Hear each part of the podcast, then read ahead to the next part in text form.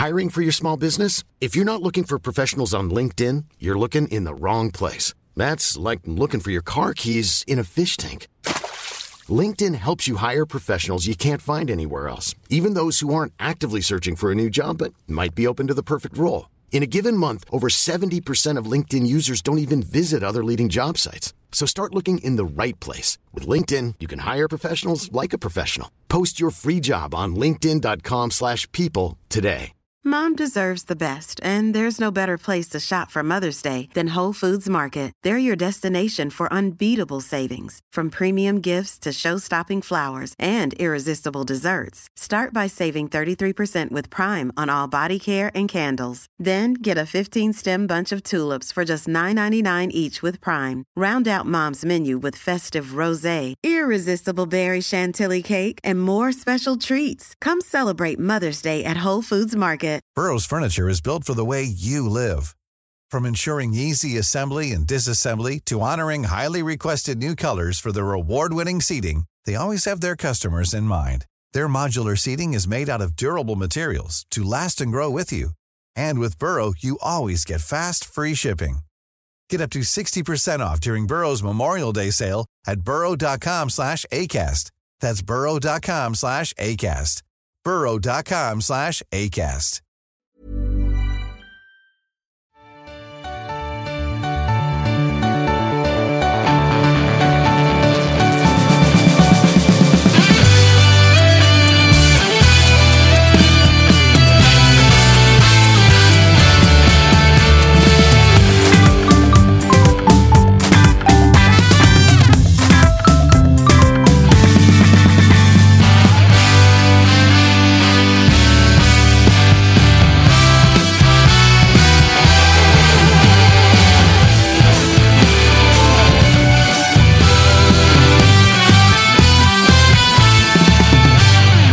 Avsnitt 160 av Toto-svenskan rullar och det är eh, spänstig eh, stämning i studion idag. Fredrik Arnesson hällde precis ut ett eh, glas vatten här innan vi började, så att, eh, därav förseningen. Jag tar, jag tar på mig den fullt ut faktiskt. Ja, det, det, det vore märkligt annars. Ja, men var det bärs eller vatten? Det var vatten. Det var vatten, Det var, okej. det var inte vatten. Nej, det, det, så är det.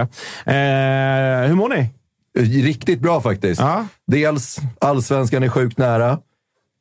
Andra grejen, tredje dagen tillsammans med er här i studion. Vi har spelat in Häcken, Djurgården och nu sitter vi live. Mm. Så det här är jävligt bra på samtliga fronter just nu. Tapper? Ja, men det är bra. Det är lite skönt med en helg där det inte är cup eller allsvenska, tycker jag också. Det har varit så jävla tempo nu ju sista, sista tre veckorna när vi har hållit på med lagavsnitt och, och allt det där. Så det, det ska bli lite skönt att få halvchecka ut och ligga och kolla på det landslaget som man inte investerar alls lika mycket känslor i som man ju gör i allsvensk fotboll. Så jag, jag har en bra helg framför mig, känner jag. Du får ju prata vad- för dig själv där. då. Ja. Där har vi investerat Ja, det- känslor. Ja, alltså, som ni ser. Det är, eh, det är AIKs reservställ jag, jag kör idag. Eh, nej, skämt åsido. AIKs, eh, årets tröja för AIK släpptes ju idag. Så att jag har ju liksom inte eh, gjort som att jag har inte hunnit införskaffa mig den. Du Så brukar ju eh, också säga att du hejar på AIK, men din riktiga passion är för Sverige. Ja. Exakt. Är det gula väggen eller. Camp Sweden? Vilket brinner du mest för? Eh, Jag tycker att eh, Camp Sweden är lite, de är lite förlegade. Så Ja. att det är gula väggen jag kör. Det Jag är de- gillar att de driver, driver det som ett aktiebolag och sådär. Ja, men för den moderna fotbollen. Ja, liksom. AIK är ett aktiebolag, gula Ja. väggen är ett aktiebolag. Så att jag, Ja, men du har ju alltid brunnit för den moderna fotbollen. Exakt. Så att det Eh, går rakt in i din... Precis, precis. Eh, nej, skämt så- eh, till att börja med, eh, välkommen tillbaka till, eh, till den 2 August. Tack. Du sitter i en eh, nigeriansk landslagströja. Det är total gåshud såklart. Sjukt nog inte så långt ifrån Bayerns eh, nya tröja. Nej, Så, det hade kanske gått att scanna även den där tröjan. Ja. Det, det, vad, vad säger du om eh, Bayerns eh, nya tröjor? ja, jag, vet inte fan, jag är ganska pessimistisk som bajare. Ja. Grön hade lyft tröjan, men nej. Två, två getingar. Två getingar av, eh, av fem. Av fem. På tal av två getingar, Kalle Nilsson. Du, kör, eh, du har fått din, din nya tröja. Kan man se, framförallt ryggen vill man ju se. Det är Sulle, Sulle 20. Det är eh, Min jävla gubbe. såklart också total jävla gåshud. Eh, hur mår du idag, Kalle? Eh, men ganska bra tycker jag. Eller jag mår fan kanonbra. Ja. Känns det tryggt att August eh, ska ratta? Nej. Jag är så Sen förvirrad direkt. över Kalles roll idag. här. Vad, vad gör Kalle idag? Jag, Mood manager. ja, Mood han har fri manager. roll på mitten idag. ja, som, som alltid har han ju det. Lagkapten och, och hela köret. Men jag har ju dragit på mig tröjan som för mig symboliserar moderna IFK Norrköping i, i vilken flopp den här tröjan blev för mig. Eh, för det är 2021-tröjan. Jag, köpte, jag tänkte så här, jag vill ha en Ishak-tröja eftersom liksom, ja, men han kände så himla bra och lovande just då. Man tänkte så här, man vill ändå ha någon så här, be, jag vet inte, en tavla över att han har varit hos oss om det blir en stor karriär. Liksom så där. Eh, så jag gick och köpte, jag gick och köpte den. Eh, och eh, tre dagar efter jag hade köpt den här tröjan bytte han nummer. Va? Så han spelar aldrig med nummer 13 igen. Så det, jag var den sista som fick Ishak-tröjan med fel nummer. Så, Det så, där är ju det vanskliga med att jag är ju ingen egentligen matchtröjekille. Nej. Men man byter jag- inte nummer under säsong Nej, heller. såklart. Absolut. Men, men jag, jag skulle framförallt nog inte köra tryck. Jag är ju inte som Kalle som kör liksom, eh, tryck med, med, en- med spelare, utan då kör jag nog mer cleant på, på ryggen. Jag kommer ju Det beställa... värsta som finns, vet du vad det är? Det är de som kör sitt eget efternamn. Ja, men det- alltså det- vuxna och människor. egen siffra, liksom. Ah, Spångberg 10 på liksom. ryggen. Liksom. Många i landslagssammanhang. Ja, ja, men det, Eh, så är det. Men jag kommer ju köra en tröja med Peppra bindestreck Bolma på i år, har jag beställt. Eh, Så den, den får ju... Du borde ju också beställa en Mjällby-tröja till Kalle. Ja, verkligen. Men vårt, vårt tröjsläpp kommer ju också nu, så jag har inte heller hunnit få tag i årets tröja än. Får man gissa nummer på den här tröjan du ska ha? Peppra Bolma. Ja. Det är, ju en, är det en så här 77, 88, Jag tänker 99 66? Ja, det är en sån faktiskt. klassisk. Eh, för Man ballar ur med numret-tröja. Liksom. ja, Alla tänkte det. Kalle sa det. ja, det är därför Eh. vi har Kalle. Det är därför vi har Kalle. Men eh, skämt åsido, varför vi faktiskt har eh, matchtröjor på oss. Eh, de som såg avsnittet förra fredagen var det, var första gången. Eh, kunde se det redan då. Det är ju för att vi har, eller vi är med i en kampanj som Barncancerfonden har tillsammans med de allsvenska klubbarna och, eh, och oss då bland annat. Där eh, det går ut på att alla supportrar ute i landet, det är en uppmaning nu, att framförallt då nästa fredag är liksom, eh, det är D-Day nästa fredag. Då ska alla på jobbet, i skolan, hemma, vart man än är, ska man sätta på sig matchtröjan till sitt favoritlag. Lägga ut en bild på sociala medier och dessutom gå in och stötta Barncancerfonden. Och Det gör man genom att swisha minst 100 spänn till, eh, till deras nummer som är 90 20 900 för att uppmärksamma det otroligt viktiga jobbet som eh, Barncancerfonden gör för att bekämpa just barncancer. För det är ju två saker som inte hör ihop, men som eh, tyvärr gör det i det riktiga livet. Så att, eh, vi är glada över att få vara med på det här.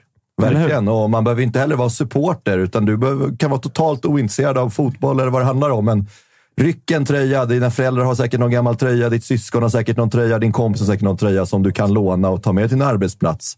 Och sen så kanske nästa fredag kanske vi också kör en liten Swish-kampanj i chatten. Ja, det är inte... Så samlar vi ihop Förlåt? allting. 90 20 900. 90 20 900. Eh, och så när man lägger upp den här bilden så kan man också, då ska man också hashtagga fotbollströjefredag. Så det här är ju verkligen en grej för, för eh, alla där ute. Eh, vi, vill, vi vill ju se bästa bilder och, och liksom från vilka företag och arbetsplatser som, som kör på det här hårdast och sådär. Eh, för det här otroligt viktiga arbetet som, som Barncancerfonden gör. Så att häng med på det här nu nästa fredag. Då är det bara att damma av era gamla tröjor eller så köper man en ny till, till sitt favoritlag eller hur, hur man nu vill göra. Jag kanske Eh, kommer i nummer åtta Ajdarevic-tröjan jag har från 2012 eller vad det nu är. Ja, Ja, vi får se. du kan följa med mig till jobbet och så kan Astrid signera den kanske. Mm, ja, han och IFK Norrköping är fortfarande goda vänner. Ja, exakt. Men eh, på tal om Astrid och Simor så säger vi också tack till Simor som är med och möjliggör Toto-svenskan. Eh, Allsvenskan är, vad är det, en vecka bort nu. Mm, Och, nästa eh, lördag drar det igång. då. Ja. Och på Simor så kan man ju se Allsvenskan och Superettan från Discovery+. Dessutom Svenska cupfinalen 18 maj.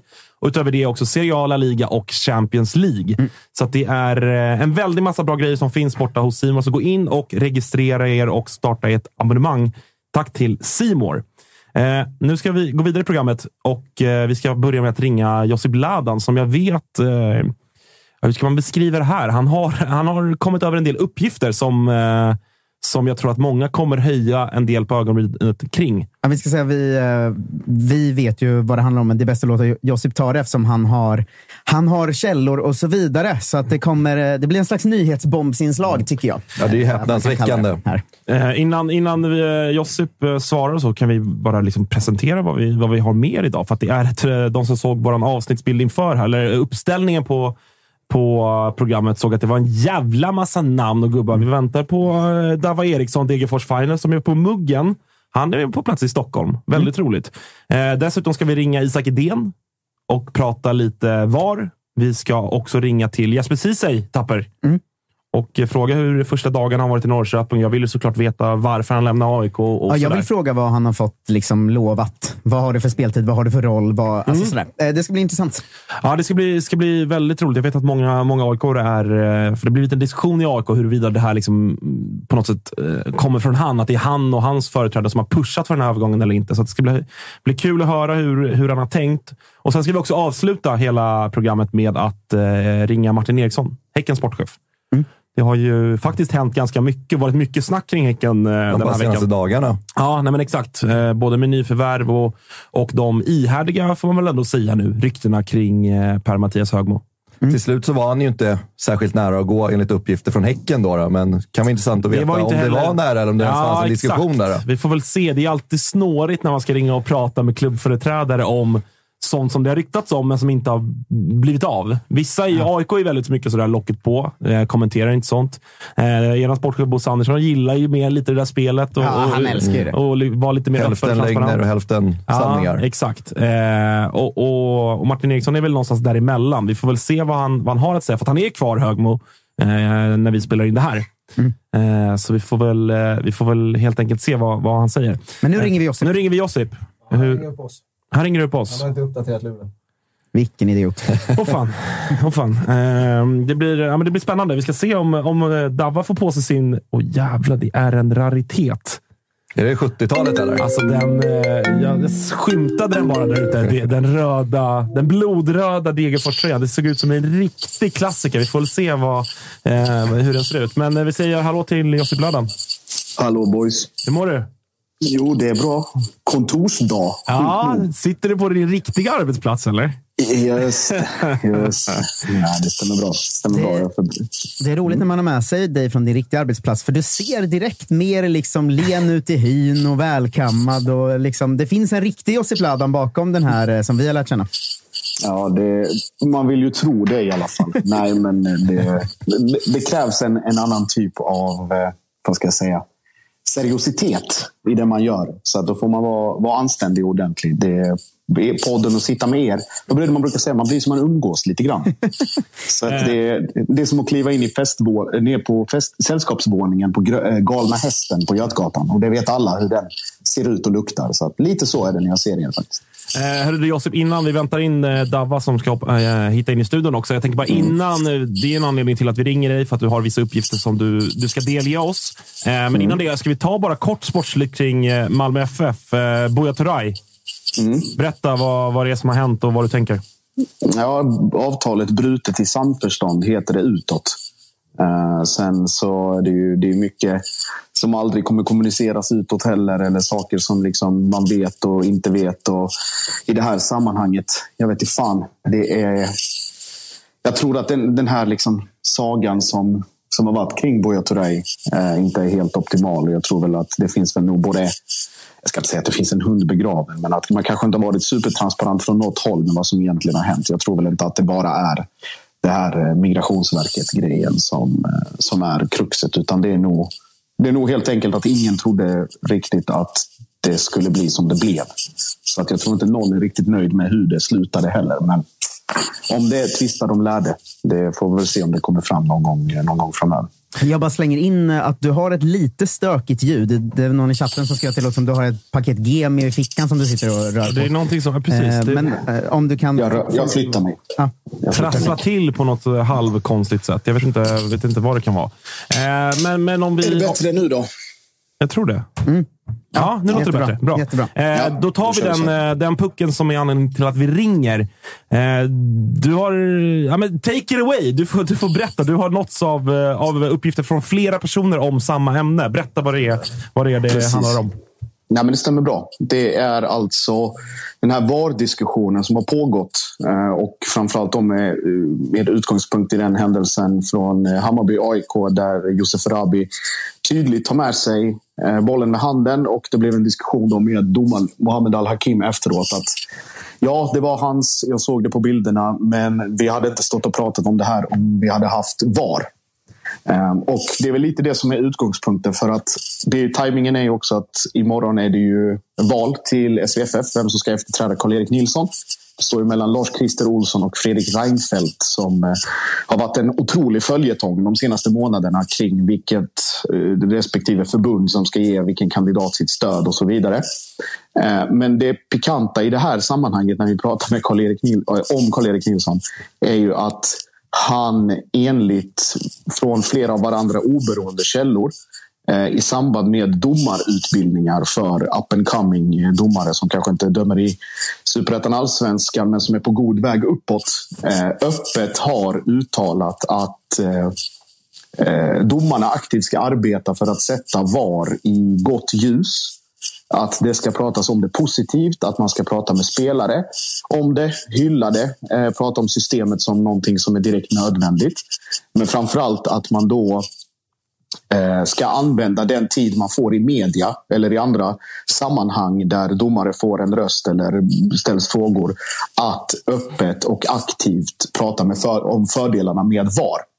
Vilket är ganska anmärkningsvärt för att då frångår man också eh, Eh, alla de här årsmötesbesluten från klubbarna. Man pratar om eller så här, elitklubbarnas intressen. Man, alltså, det, den vedertagna bilden är ju att det är ingen av elitklubbarna som förespråkar något införande. Jag vet att på upptaktsträffen och därefter så pratar ju Glenn Ridersholm sig mycket varm om VAR och hänvisade till någon sån här mentometerundersökning som gjordes där, där det var att ja, men nu ställer vi frågan här och många är positiva. Jag tror det stora problemet ligger i alltså det totala både liksom kampanjandet men också det totala ointresset och obryddheten inför vad som faktiskt vad klubbarna själva tycker och vad supporterna tycker genom sina klubbar på årsmöten, eller det vill säga den demokratiska vägen.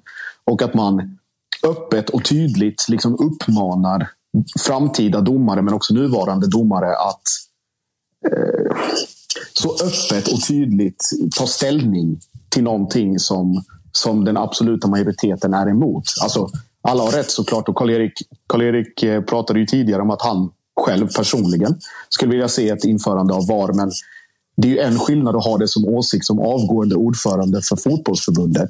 Men en helt annan att ha det att gå på möten och ha den liksom, inställningen, attityden och den uppmaningen rakt ut. För att det blir svårt för domarna också att, jag vet inte, ifrågasätta eller säga emot. För att de blir ju på något sätt bakbundna av sina egna karriärer. För att bredvid Karl-Erik Nilsson så står ju också domarcheferna. Eh, och eh, liksom, jag vet inte om de i de här rummen är det är så, så öppet och tolerant för avvikande åsikter. Men jag, jag, jag tycker det är otroligt anmärkningsvärt och nästan på ett sätt skamlöst att man gör det på det här sättet. För att du bakbinder en hel yrkeskår eh, och eh, då i slutändan påverkar eh, fotbollen i stort, framförallt i allsvenskan. Jag tänker på, um, först, först och främst när du ska prata igen nu, så håll upp din mick för den dras mot din overshirt hela tiden. Men men det som, om man ska säga det kort, dels vad, vad kommer källan, din källa på det här ifrån och det är alltså en påverkanskampanj som Karl-Erik gör mot kommande och nuvarande domare där på ett sätt. Liksom. Eh, För att börja svara på din andra fråga, så, så tolkar jag det. Eh, Och för att svara på din första fråga, det, det finns ju grundlagsstadgat källskydd i Sverige. Så att det vet ju alla att det, det bryter jag emot alla befintliga regler och, och grejer. Och det, källan har ju källskydd såklart. Men det, det är flera av varandra oberoende håll och folk som har liksom tagit del av det här direkt. Så det är inga liksom Som- andra. Så att det kommer från ett sånt här tillfälle där det har hänt. Liksom. Eh, det, låt oss säga att eh, det har framförts direkt till de här personerna på ett eller annat sätt. Hur, eh, precis för att eh, det går inte att tolka det så mycket annat än att eh, det är från en av det högsta hönset. Inom, nu är han visserligen avgående, men det här skedde ju inte igår. Liksom. Eh, Nej. Det, det är ändå väldigt tydligt och det är det som stör mig. Att Svenska Fotbollförbundet är ett förbund som har sina medlemmar att förhålla sig till. Alltså, ska de eh, på något sätt införa en ny riktning i det här tycker vi om den här frågan, då ska ju det, om det är av den här digniteten, då ska ju det röstas om. Det ska, man ska ta hänsyn till vad ens medlemmar tycker. Och som du är inne på, att eh, bland, bland eh, SEF-klubbarna som är elitklubbarna i Sverige, där har en majoritet, och det är de som kommer beröras av VAR. Jag vet att, eh, jag vet att SVF har typ 2500 medlemmar, eller vad fan det är. Alltså alla klubbar i hela Sverige.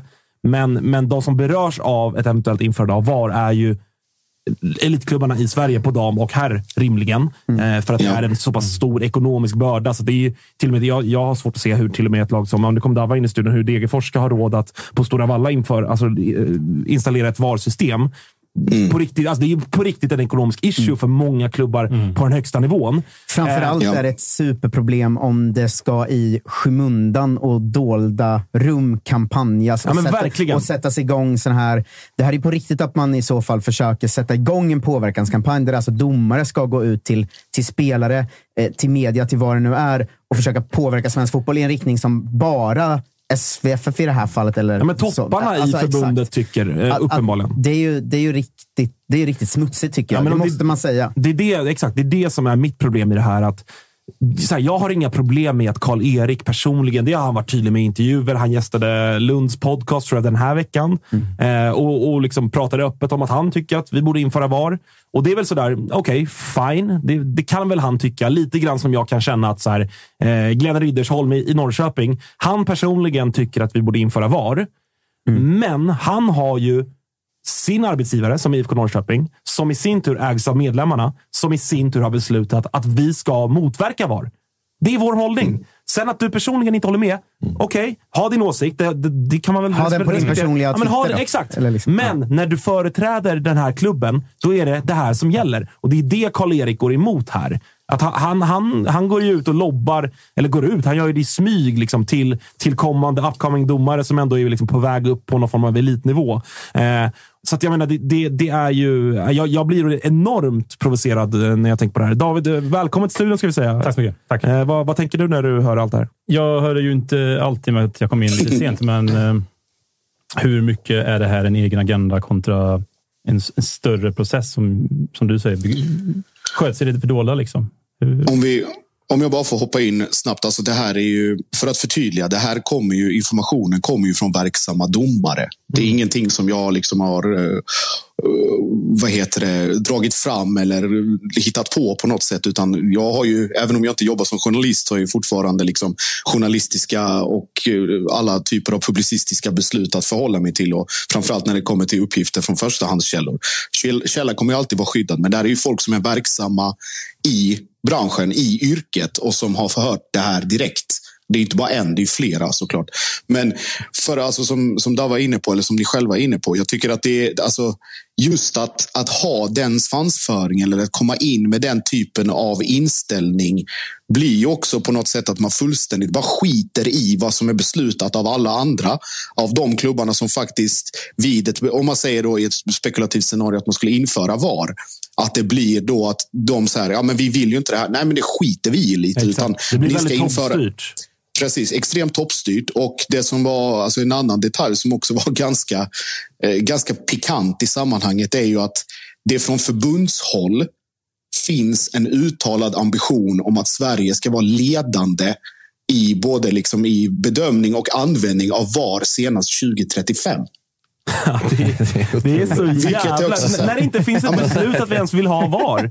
Nej, men det är också så här, vad, vad, vad är det för jävla målbild? Alltså, vad, kommer det, vad, vad kommer den ifrån? Vem är den förankrad med?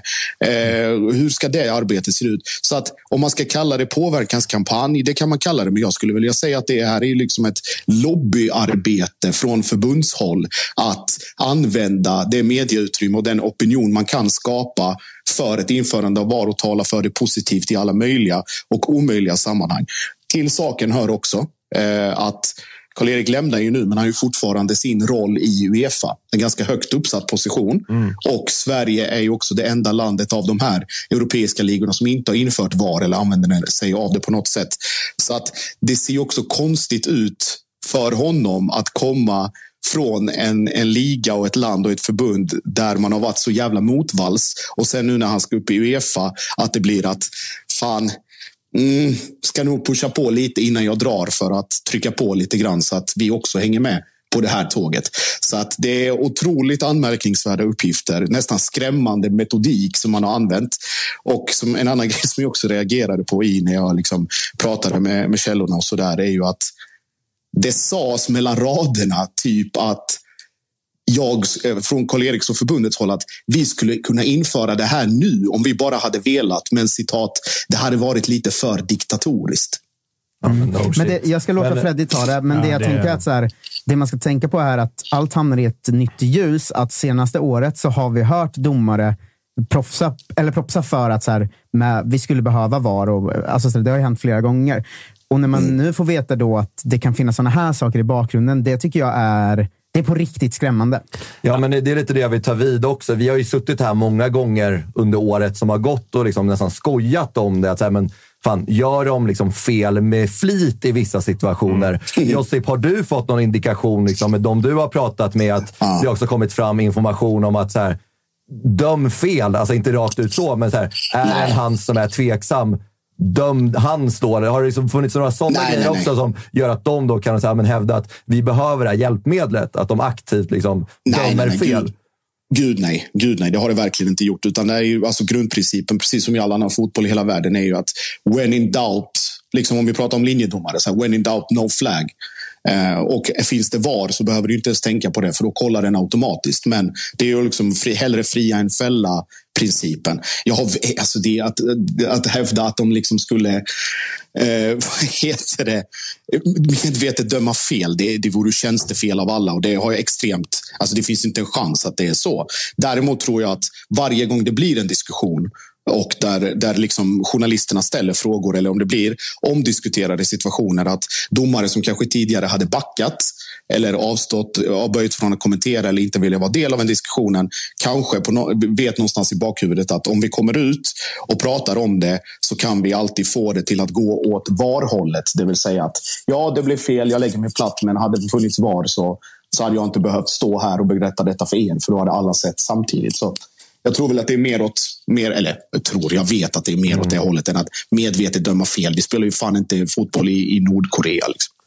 Ja, det är väldigt, jag blir, äh, jag säger det igen, enormt provocerad över att man eh, liksom också från förbundets håll med Karl-Erik i spetsen under hans tid liksom, som topp på förbundet. Man, man pratar väldigt stolt och mycket om 51 procent-regeln och gräsrotsrörelsen. Och han själv Mm. kommer från liksom den, han kommer från det i liksom, en liten Men by, by i Småland. Men det är sånt jävla... Ja. Alltså för att det där har jag tänkt så mycket på. Bara jag ser Karl-Erik och tänker på det här att han snackar 51 procent och så här, hur han för sig, hur han pratar och, och sen när det här tillkommer också.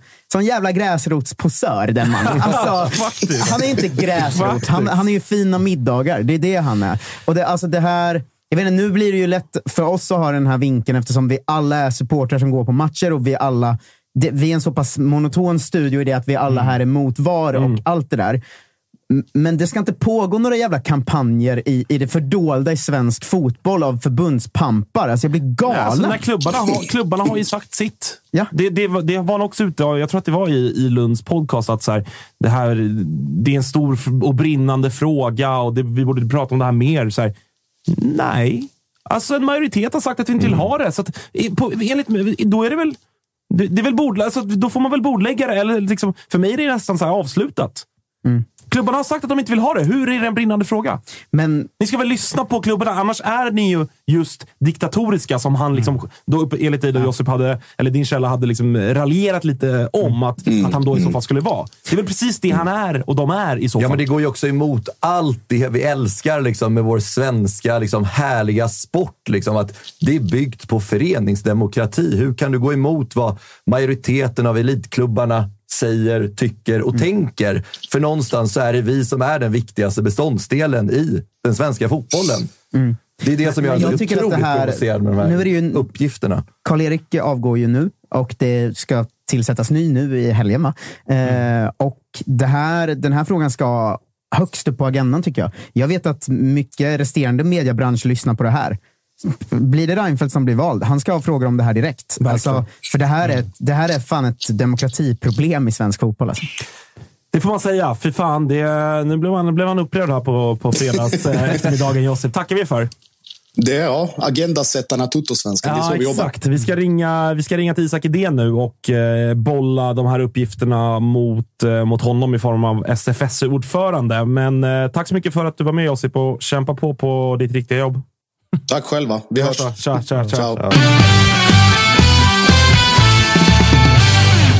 Skrämmande alltså. Förtroendevald och sen ordet, vad var det vi sa? Gräsrotsposör. Ja, men, Eller vad ja, tänkte men, du på? Ja, men det här med att liksom, diktatoriskt, det känns ju... Ja, men det, är- det är klart att man, så här, man, man förstår att det pågår grejer i dolda i svensk fotboll, men det är, så här, det är en sån jävla viktig och stor fråga där som Ja. så många uppenbart brinner för och som vi är så otroligt stolta över. Det var den där listan som kom ut. Var det? så här 40-50 ligor i Sverige. Vi är den enda som inte har VAR. För att vi står emot det med vår föreningskraft Ja. som vi har och att de väljer att gå rakt emot det och lobbar för det internt mot domarna. Men jag tycker att det är just det här att det är på domarutbildningstillfällen Ja. och så som det här ägt rum. Att man redan där Det- på något det- sätt ser det- värde i att... Ja, men det är så här, då, blir, då kommer de läras att bli en megafon för någonting som inte är förankrat annat än hos några förbundsgubbar. Jag tycker det är så här. Om jag hade varit ny domare då och varit på en sån utbildning och något sånt hade framkommit där, då hade jag väl såklart rättat mig i det ledet för att det är ett jobb jag vill ha. Ja, Alltså, exakt. det- Ja, vad händer om du går emot det? Exakt. Ja, men att, min, Du min, får- får- min får du nackdelar framtida... då i din framtid som domare? exakt. Ja, rim, Då, då, går- ingen... då går man på din åsikt. Okej, du är emot VAR. Du kommer inte få de här stormatcherna, du kommer inte få möjlighet att utvecklas som domare. Kommer få harva runt liksom, i division 1. Det är väl inte en du vill utvecklas. Du kanske vill gå upp till. Superettan Nej, Allsvenskan. Nej, det är väl inte en alltför konspiratorisk tanke. Absolut Liksom. inte. Men nu är vi supportrar som konspirerar Absolut, och vi, som kanske är ska, arga. vi ska väl kanske ringa, eh, försöka nå Karl-Erik om det här. Ändå. Det hade varit intressant att, att liksom höra honom prata om, om det här. Han kanske bara säger att ja, så är det. Eh, alltså Eller så är det inte. Det ska Eller det ord mot ord. Det Verkligen, så är det. det. Det ska vi ändå ha sagt. Eh, Vi någon- kollar med honom om han vill vara med på måndag, tycker Det jag. tycker jag låter bra. Det tycker jag verkligen låter bra. Nu säger vi hallå till Isak Edén. Halloj! Nås du, går igenom eh, lurarna och skärmen hur upprört det är i studion? Ja, det, det är svårt att, svårt att missa eh, och det är väl härligt. Du, du har satt och lyssnade på i alla fall delar av det Josip sa och, och är medveten om vad det, är det handlar om. Hur, eh, ja, hur reagerar du när du hör de här uppgifterna? Ja, men det är lite som man reagerade på eh, häromdagen, var det väl igår, eh, när eh, intervjun med Olof Lund kom ut. Ehm, att man har ju svårt att förstå, eller jag förstår verkligen inte varför frågan är så viktig för ja, men, SVFF i det här fallet eller, då, eller Karl-Erik själv eller vem det nu är som anser den här frågan. Eh, det är väl också lite oklart om man uttalar sig som privatperson eller ordförande i Svenska fotbollsförbundet. Även om man nu innehar titeln så uttalar man sig väl alltid som ordförande i Svenska fotbollsförbundet tänker jag.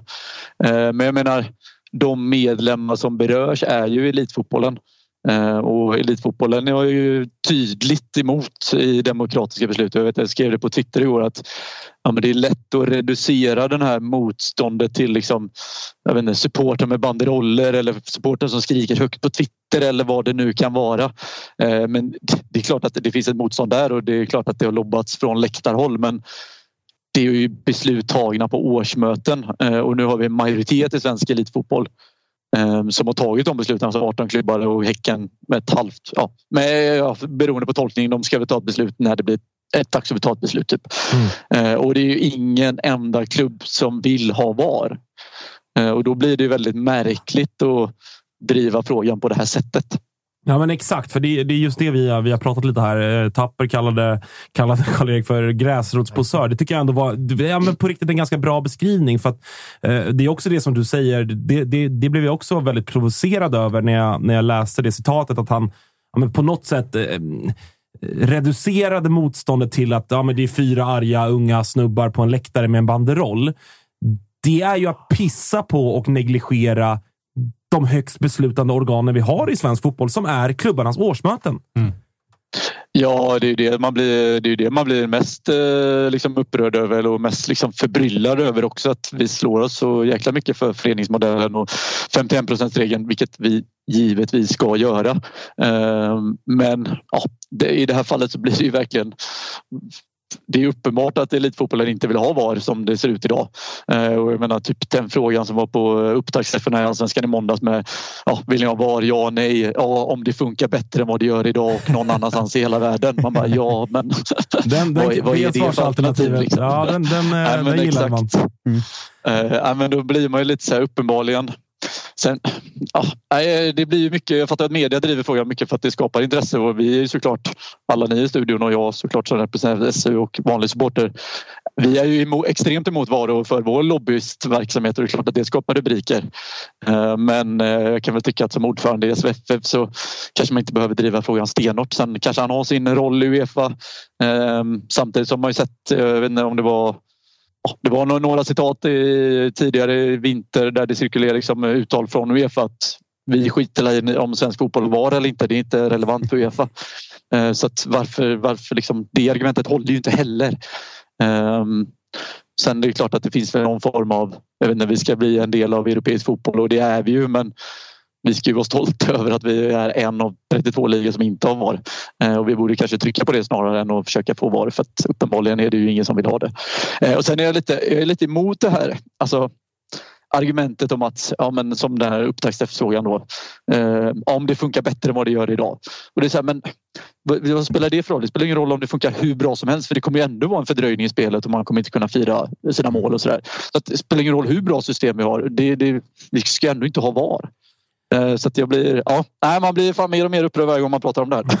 Eh, min fråga är om, har ni hört den här typen av indikationer förut? Alltså för det vi pratat om idag har ju då varit det här att, eh, ja, men att det ska ha varit så att Karl-Erik bland annat då har försökt få domare att prata gott om det och så vidare. Har du hört sådana här rykten förr eller, eller hur, hur landar just den, den grejen specifikt? Om vi tar det mer från VAR-frågan till det här specifika. Eh, liksom. Ja, nej, men det, nej, det har vi väl inte hört. Sen är det klart, man behöver inte vara liksom det räcker att läsa media så fattar man att domarna är extremt för VAR. Sen om, de eh, är, om alla är det, av vilka anledningar alla är det är svårt att säga om. Sen, jag tror de flesta elitdomare ändå är, är för VAR. Jag hade en liten diskussion med, med Jonas Eriksson häromdagen om det också. Um, men det är klart att det är anmärkningsvärt att ha, ta det tillvägagångssättet som eh, ordförande i Svenska fotbollsförbundet. Det, det får man väl ändå säga det, det är att utnyttja sin makt på fel sätt. Har ni, eh, det här är ju liksom, förstår man ju, en, en ständig, liksom, ett ständigt ämne någonstans och ständigt på tapeten även för er i SFSU. Men har det, man har det på något sätt liksom intensifierats eh, nu de här senaste dagarna och den här veckan med tanke på dels då det nya ordförandevalet eh, som, som sker här i, i dagarna, men också då de utspel som har varit här i. Ja, men det är väl, det är väl i Lunds podd som han har gästat, Karl-Erik? Ja, och det går ju att läsa samma sak med, med Reinfeldts eh, uttalande. Eller det enda uttalandet han har gjort i den här frågan var ju typ att ja, eh, var är, alltså han var ju knappast direkt emot VAR och jag tycker verkligen det saknas det här liksom, argumentet att medlemmarna inte vill ha det. Det verkar som att det går inte in i huvudet på, på de här personerna att det faktiskt är årsmötets beslut om VAR. Um, och det, så att jag tror mycket av vårt fokus, dels har det varit att få majoriteten i SEF. Det har ju varit det största fokuset under hösten. Uh, just för att då har vi ändå en majoritet och garanterad majoritet. Uh, och det har vi ju nu. Uh, och sen gäller det väl att försöka nu lyfta på, upp på agendan som vi har börjat och man försöker i alla de här intervjuerna att respektera de demokratiska besluten. Alltså de klubbar som berörs det är Svenska Elitfotboll, det är Allsvenskan och Superettan. Eh, de har demokratiska beslut på var respektera det då eh, och flytta beslutsvägarna från distrikten och förbundet till Svensk Elitfotboll. Det hade ju varit det bästa. Eh, för då, då är vi garanterat att det är Svensk Elitfotboll som tar beslutet. Och, ja, som det ser ut nu då så är det emot. Sen om någonting ändras om fem år, ja, men då får man väl ta det, det, diskussionen om fem år. Men det är väl egentligen så att det blir väl den största fokuset att försöka få ja, det var ju väldigt mycket snurr i höstas när jag vet att vi diskuterade denna podden och det har diskuterats överallt i media om liksom vem, vem tar beslutet och var det flyttar från liksom representationsskapet till förbundsstyrelsen till ja, tillbaka till representationsmötet och jag vet knappt själv var det ligger idag. Eh, och i alla de forumen så har ju förbundet eller distrikten mest makt över beslutet. Eh, och det är klart att det är bara att kolla den här valrörelsen att det är väl ganska tydligt att det just nu inte är 100% samsyn mellan distrikt och elitfotboll och att distrikten kanske mer lutar åt vad förbundet tycker och tänker i frågor och är då de superprovar så är det klart att det är negativt för oss som elitfotbollssupportrar. Eh, jag ska säga till, till live-tittarna, vi hade lite lagg i sändningen där, men det är Isak Edén är alltså ordförande i SFSU, så att, eh, så att de som tittar live är med på det. Eh, men det jag tänker är, kommer det här, nu kom det här upp idag, så det är klart att det inte finns något, något beslut kring det än. Men hur kommer SFSU alltså liksom försöka ändå ta något grepp om att det här ska fan inte kunna hända i, i det fördolda? Liksom? För, det, för det är, svensk fotboll handlar väl ändå på många sätt om öppenheten och, och, och transparensen och supporter impacten. Sådär, liksom. alltså, för det, det här känns ju som ett eh, problem för organisationer som SFSU om det ska hända massor, massor skit i det fördolda. Liksom. Ja, men så är det ju. Sen, eh, alltså, transparensen inom förbundet har väl knappast varit eh, top notch genom åren. Ehm, och vi, är ju, vi har ju mest dialog med svensk elitfotboll. ehm, alltså SEF då, som styr allsvenskan och superettan. Ehm, för det är där nio av tio frågor hamnar. Och där är det ändå en bra dialog och transparens i beslutsvägar. Ehm, men givetvis kommer vi ju hugga tag i den nya ordföranden och visa vilka vi är och vad vi tycker och vad vi vill ha av en ordförande eh, i Svenska fotbollsförbundet. Och vi byter ju SVFs ordförande, vi byter ut generalsekreteraren i SVF, vi byter ut generalsekreteraren i SEF. Eh, det kommer ny RF-ordförande, det kommer ny SOK-ordförande. Alltså det är så många sådana här tunga pjäser som byts ut under året. Så att det blir ju verkligen en inriktning om vad, vad svensk fotboll och vad svensk idrott och vad svensk idrottsrörelse vill ta vägen. Och Alltså jag tycker såklart precis som ni och alla andra hoppas jag att det ska bygga på transparens. Så det är klart att vi kommer trycka supermycket på det i alla forum vi kan. Eh, Isak, tusen tack för att vi fick eh, ringa, ringa till dig och bli lite klokare på, på hur det funkar och sådär. Eh, vi, vi hörs en annan dag då. Ja, men tack för att ni ringde. Ha det bra. Ha det bra. Tja. Ha det bra. Life is full of awesome what ifs, and some not so much, like unexpected medical costs. That's why United Healthcare provides Health Protector Guard fixed indemnity insurance plans to supplement your primary plan and help manage out of pocket costs. Learn more at uh1.com. This is Paige, the co-host of Giggly Squad, and I want to tell you about a company that I've been loving, Olive and June. Olive and June gives you everything that you need for a salon quality manicure in one box. And if you break it down, it really comes out to $2 a manicure, which is absolutely insane. It's also so easy to get salon worthy nails at home with Olive and June. The difference between how your nails used to look when you did them yourself and now with the Manny system is a complete game changer. The best thing about Olive and June too is it's a quick dry, dries in about one minute, lasts for five days, and full coverage in up to one to two coats. Visit oliveandjune.com slash perfect manny 20 for 20% off your first system. That's oliveandjune.com slash perfect manny 20 for 20% off your first system. Burrow's furniture is built for the way you live. From ensuring easy assembly and disassembly to honoring highly requested new colors for their award-winning seating, they always have their customers in mind. Their modular seating is made out of durable materials to last and grow with you. And with Burrow, you always get fast, free shipping. Get up to 60% off during Burrow's Memorial Day sale at burrow.com slash ACAST. That's burrow.com slash ACAST. burrow.com slash ACAST. Hej. Ja, Vilken grej. vilken jävla... Fan. Missar jag någonting inledande där? Av? Nej, jag tror inte det. Eller, alltså, det som är uppgifterna som, som Josip har fått till sig av flera olika personer är ju då alltså att att Karl-Erik Nilsson i egenskap av ordförande i Svenska Fotbollförbundet har på diverse domarmöten med, alltså som jag förstår det ändå, inte liksom allsvenska domare, men sjoket under och upcoming domare som, som liksom Prospects. Går, ja, exakt. Prospects som går kurser hos förbundet. Att han i de forumen har eh, uppmanat domarna där att på sina sätt vara med och lobba för att införa VAR i, i fotboll. Det är liksom eh, pudens eh, kärna på något sätt. Jag tror ju inte att det händer i svensk fotboll. Är, man, är naiv som tror det, men när det kommer sådana uppgifter, man blir bara jävla besviken. Liksom. Så som vi kämpar för det här jävla föreningslivet i svensk fotboll framför allt, men också i övriga idrotter såklart. Så, nej, man, man är naiv som uppenbarligen tror att sånt här inte sker, för uppenbarligen sker det. Jag tänker att eh, vi, vi ska vidare och prata lite allsvenskan och sånt också, så vi inte bara sitter och upprepar oss men man kommer nog ta helgen och försöka smälta det här lite och, och landa i, i ännu fler åsikter om det. För jag, jag tycker verkligen att det här är, det är något man har misstänkt lite. Man har ju pratat om så här, det känns som att de vill ha VAR och det känns som att domarna måste ha en anledning att de pratar så gott om det. Och så här, nu får man helt plötsligt på benen att vad fan, det finns ju en sån här lobbyism som, som pågår och som framförallt då påverkar domarna. Och det, det, det är den vinkeln som nästan är mest intressant tycker jag. Att så här, det är inte säkert att domarna ens har de här åsikterna 100% från Nej. början. Då, själva. Nej, uppenbarligen, Alltså- uppenbarligen inte allihopa. Nej, eftersom... Nej, nej exakt. Alltså, alltså. Ehm, så så att, eh, ja, det här är intressant. Vi kommer säkert behöva prata mer om det på måndag. Eh, och det, kommer, det, är en, det är en del, man måste liksom hem och smälta det lite, för det är en sån, sån bomb tycker jag.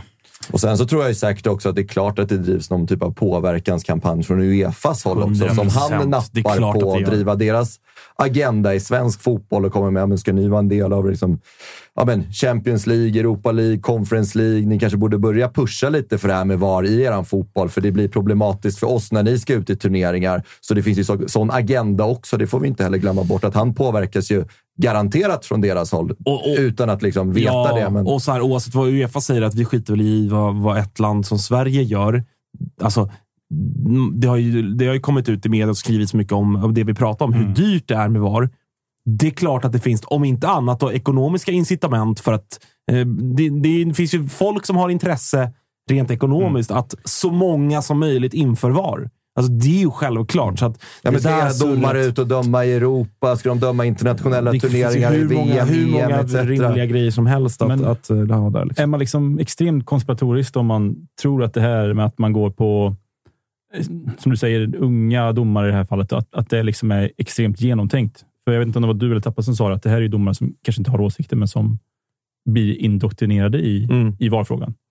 Alltså, jag, jag kan tycka att det känns Mm. extremt liksom, Alltså det, det, ja, moraliskt men precis, det är väl det som jag också är sådär, är hur, hur person liksom beroende är den här lobbykampanjen. Är det Karl-Erik typ själv som... Mm. Det tror väl inte jag, att han eh, ensam liksom, eh, majestät driver den här frågan på egen hand. Utan det här är väl... Ja, min känsla är väl att så här, ja, det här är väl någonting som topparna på förbundet driver tillsammans. Ja, och alltså, ponera att det här är sant då, så är väl det är väl liksom perfekt för Karl-Erik att utnyttja den här sista perioden. För han, alltså hans förtroende, om det här är sant, det är ju kört bort. Han har ju Mm. förtroende. Han kommer aldrig bli omvald. Nej. Men han kan ju liksom...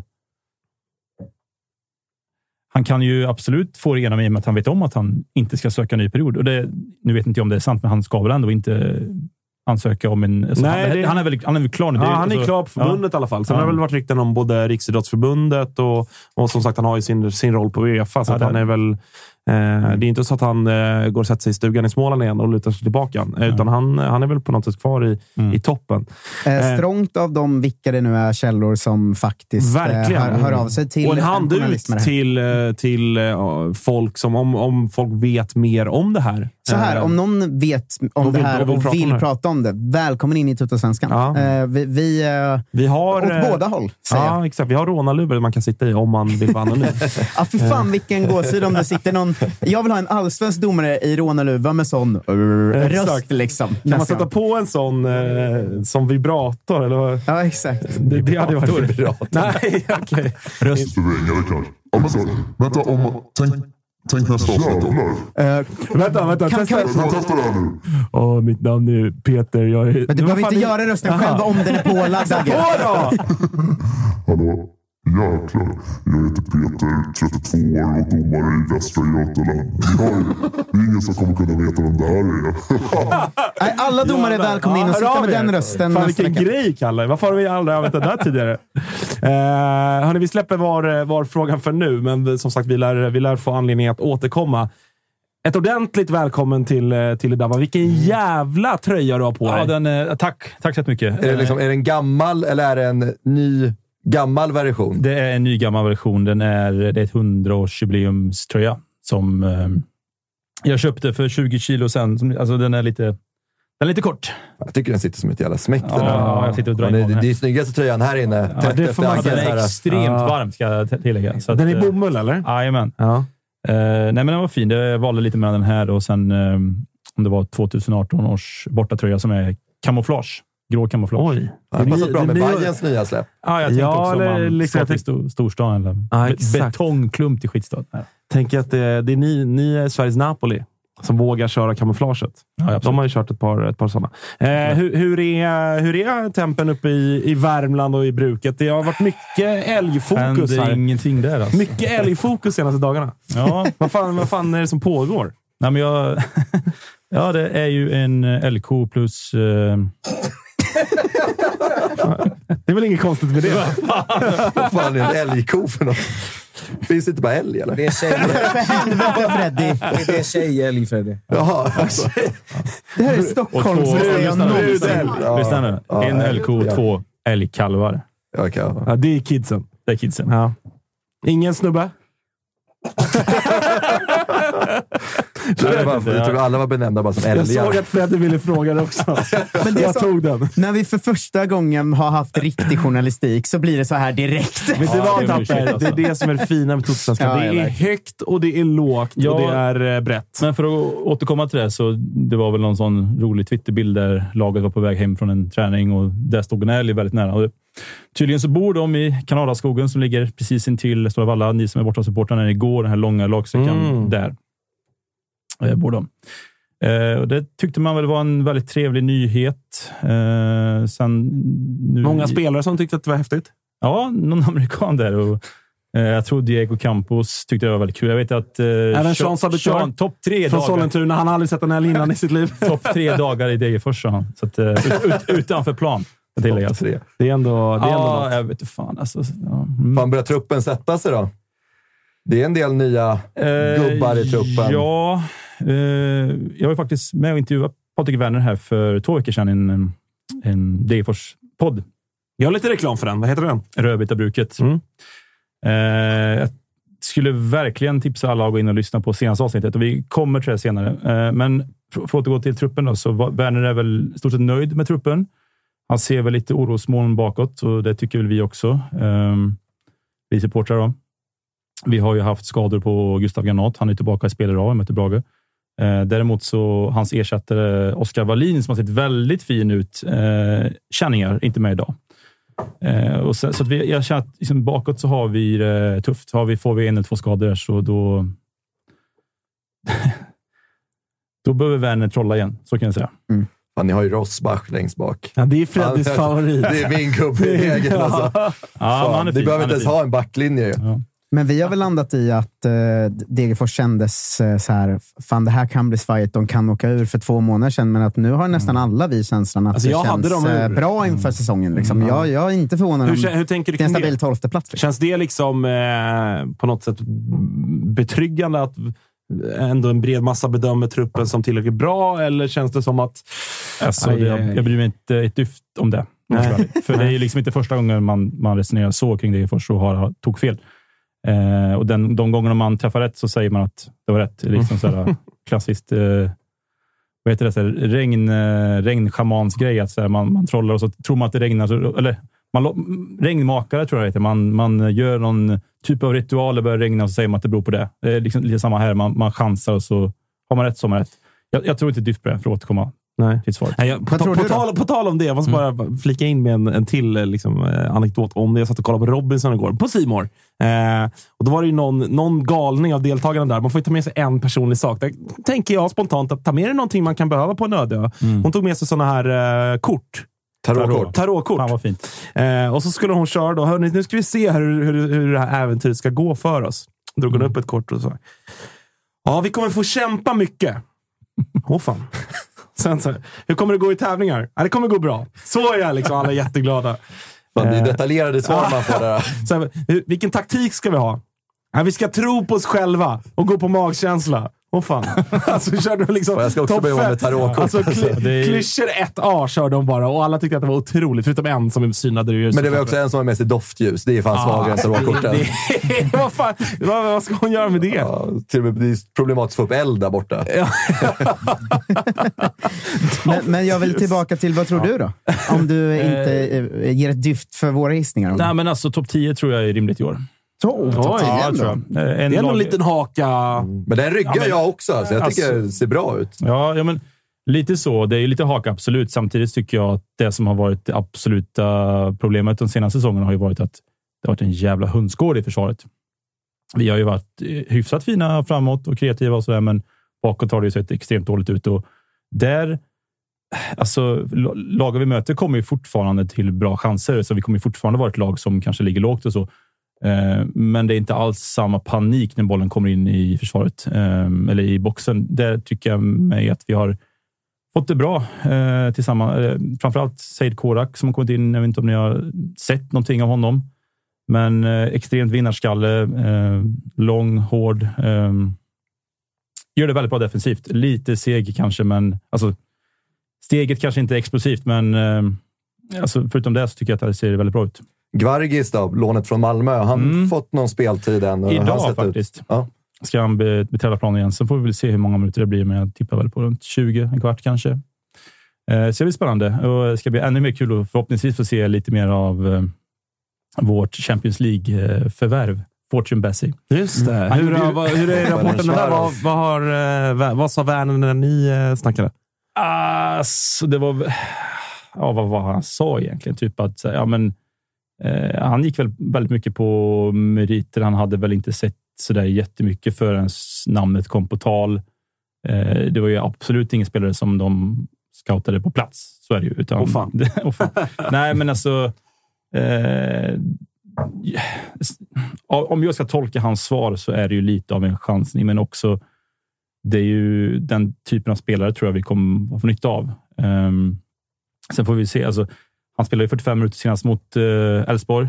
Uh, första han gjorde var ju någon typ av klackpassning. Man bara direkt tänkte wow, fan, det här är klass.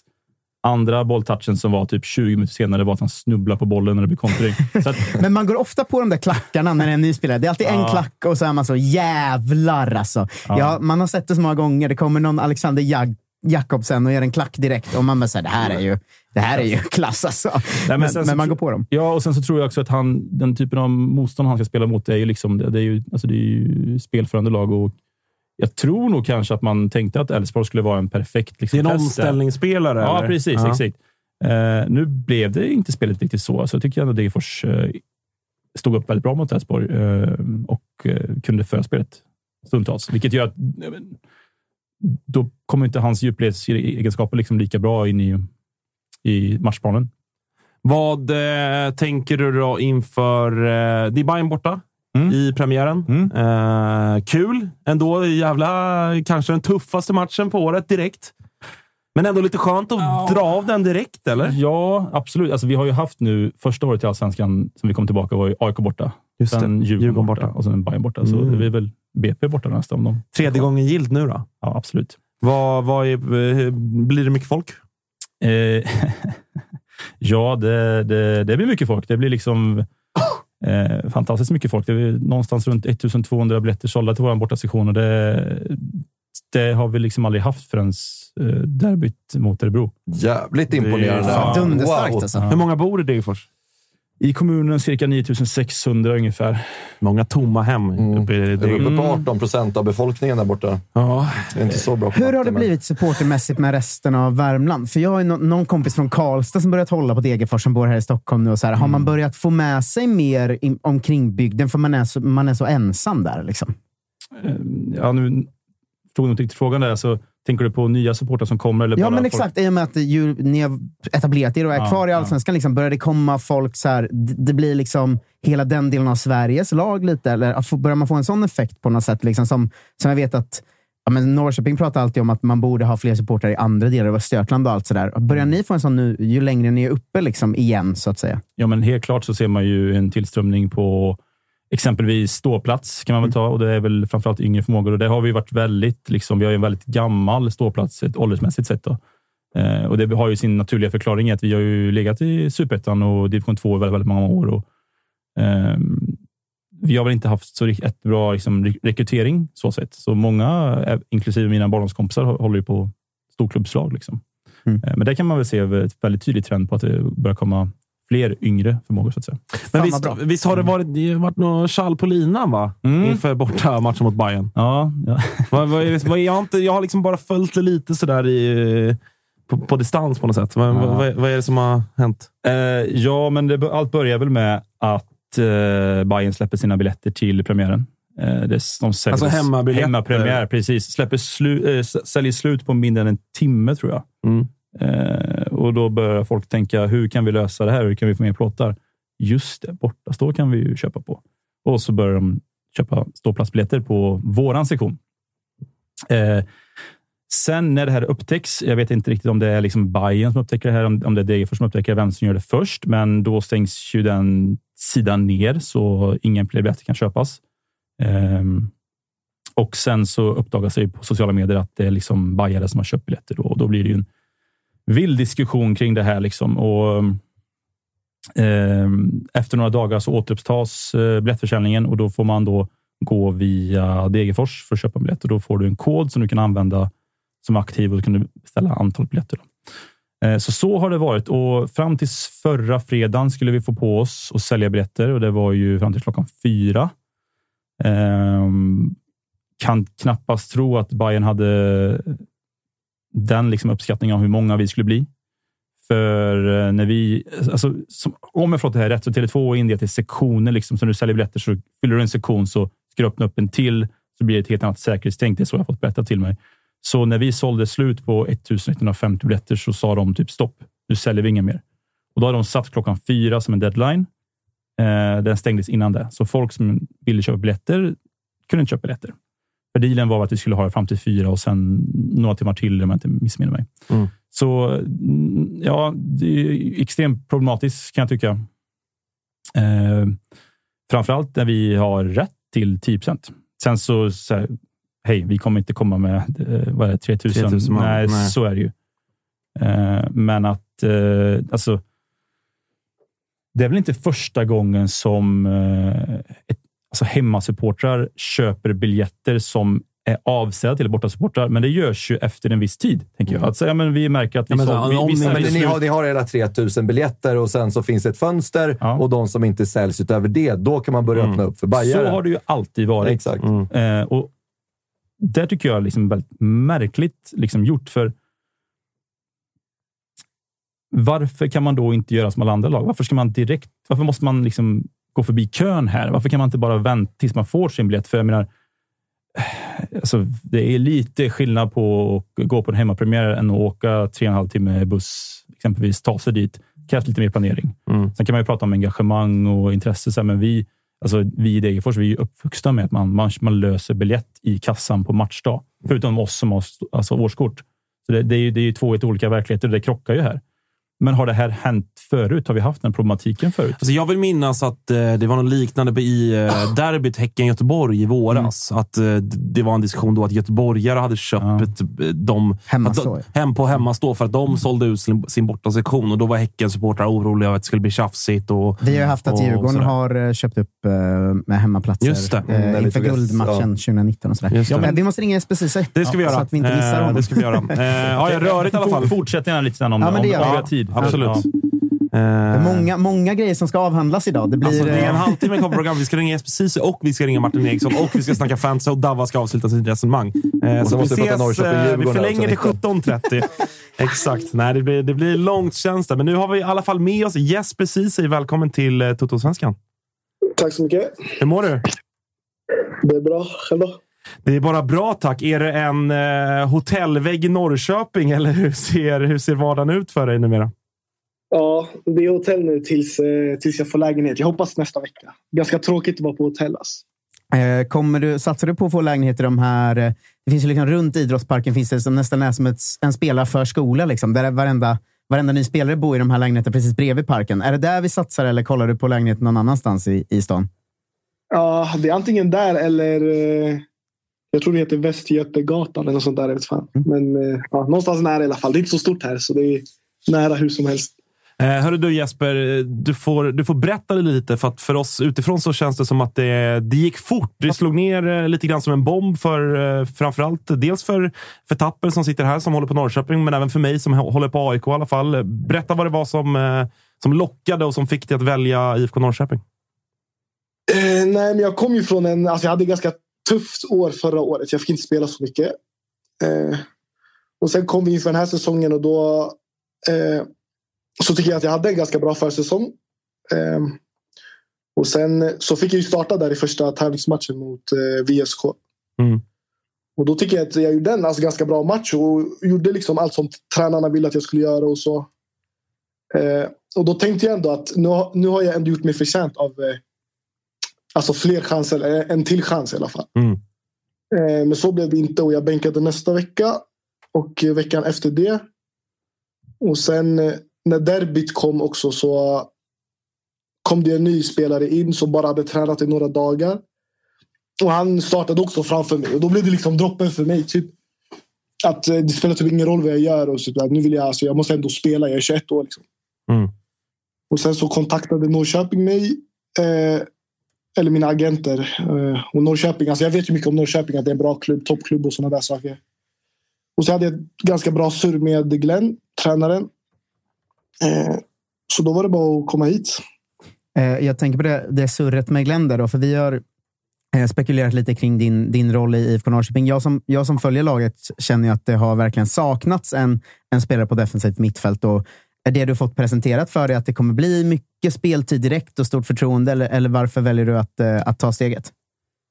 Eh, alltså, ja, det var så han sa. Liksom. Alltså, för jag var ändå så här. ah, Nu vill jag gå någonstans för att ändå spela. Liksom. Eh, och det sa jag till honom. Och då var han så här. Ah, vi behöver en, en ankare. Liksom. Eh, och jag har sett dina matcher och jag ser stor potential i dig. Och typ så här, ah, alltså, du kommer få spela. Men sen fattar jag också att det, det är upp till mig också. Det är inte bara att, så att jag kommer hit och tror att jag ska spela varje match. Liksom. Det, om jag presterar så ah, får jag förhoppningsvis spela. Och det är ändå, jag tror jag har större chans att spela här än, än i AIK. Hade du dialog med flera allsvenska klubbar eller var det bara att du siktade in dig på Norrköping eller hade du bud från, från flera klubbar också? Nej, det var, det var lite snack om eh, lån till Sirius. Eh, som höll på ganska länge tror jag. Eh, de tjafsade hit och dit. Typ. Eh, men sen kom Norrköping ganska sent in och eh, så blev jag väldigt intresserad av det. Och sen eh, så blev det Norrköping till slut. För, för det, exakt, för det, det är det jag, jag då som, som AIK är lite intresserad över. För jag hade ju, dels hade jag gärna haft kvar i AIK, men, men jag förstår ju att du, du känner att så här, fan, nu är det dags för mig att få spela på den här nivån. Eh, du, du liksom seniormässigt spelat i BP, men i division 1. Dags att få allsvensk rutin nu. Hur värderade du det? Då? För då fanns det ändå låneerbjudanden från, från Sirius som ändå också är en, en, en bra klubb. Numera är allsvenskan etablerad och, och, och sådär. Eh, var det liksom aktuellt från din sida eller slog det så pass mycket högre att när Norrköping visade att de, de var beredda att köpa loss dig så, så värderade du det högre så att säga? Ja, alltså det var ändå det typ att de ville köpa mig och det betyder ändå att de alltså, verkligen vill satsa på mig. Och sen vet jag att Norrköping är en ganska säljande klubb och jag har ambitioner att eh, försöka nå utomlands. Liksom. Alla har en sån dröm. Mm. Eh, och därför landade vi i Norrköping.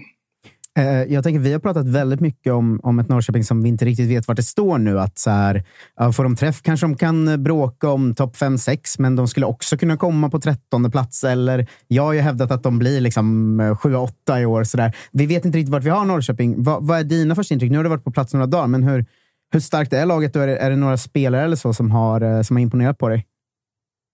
Eh, alltså nu har jag bara varit här i tre dagar och många ändå, det är några borta på landslagsläger och så. Men jag tycker generellt så alltså, jag tycker jag att de är jättebra. Alltså, det är bra tempo på träningarna och så.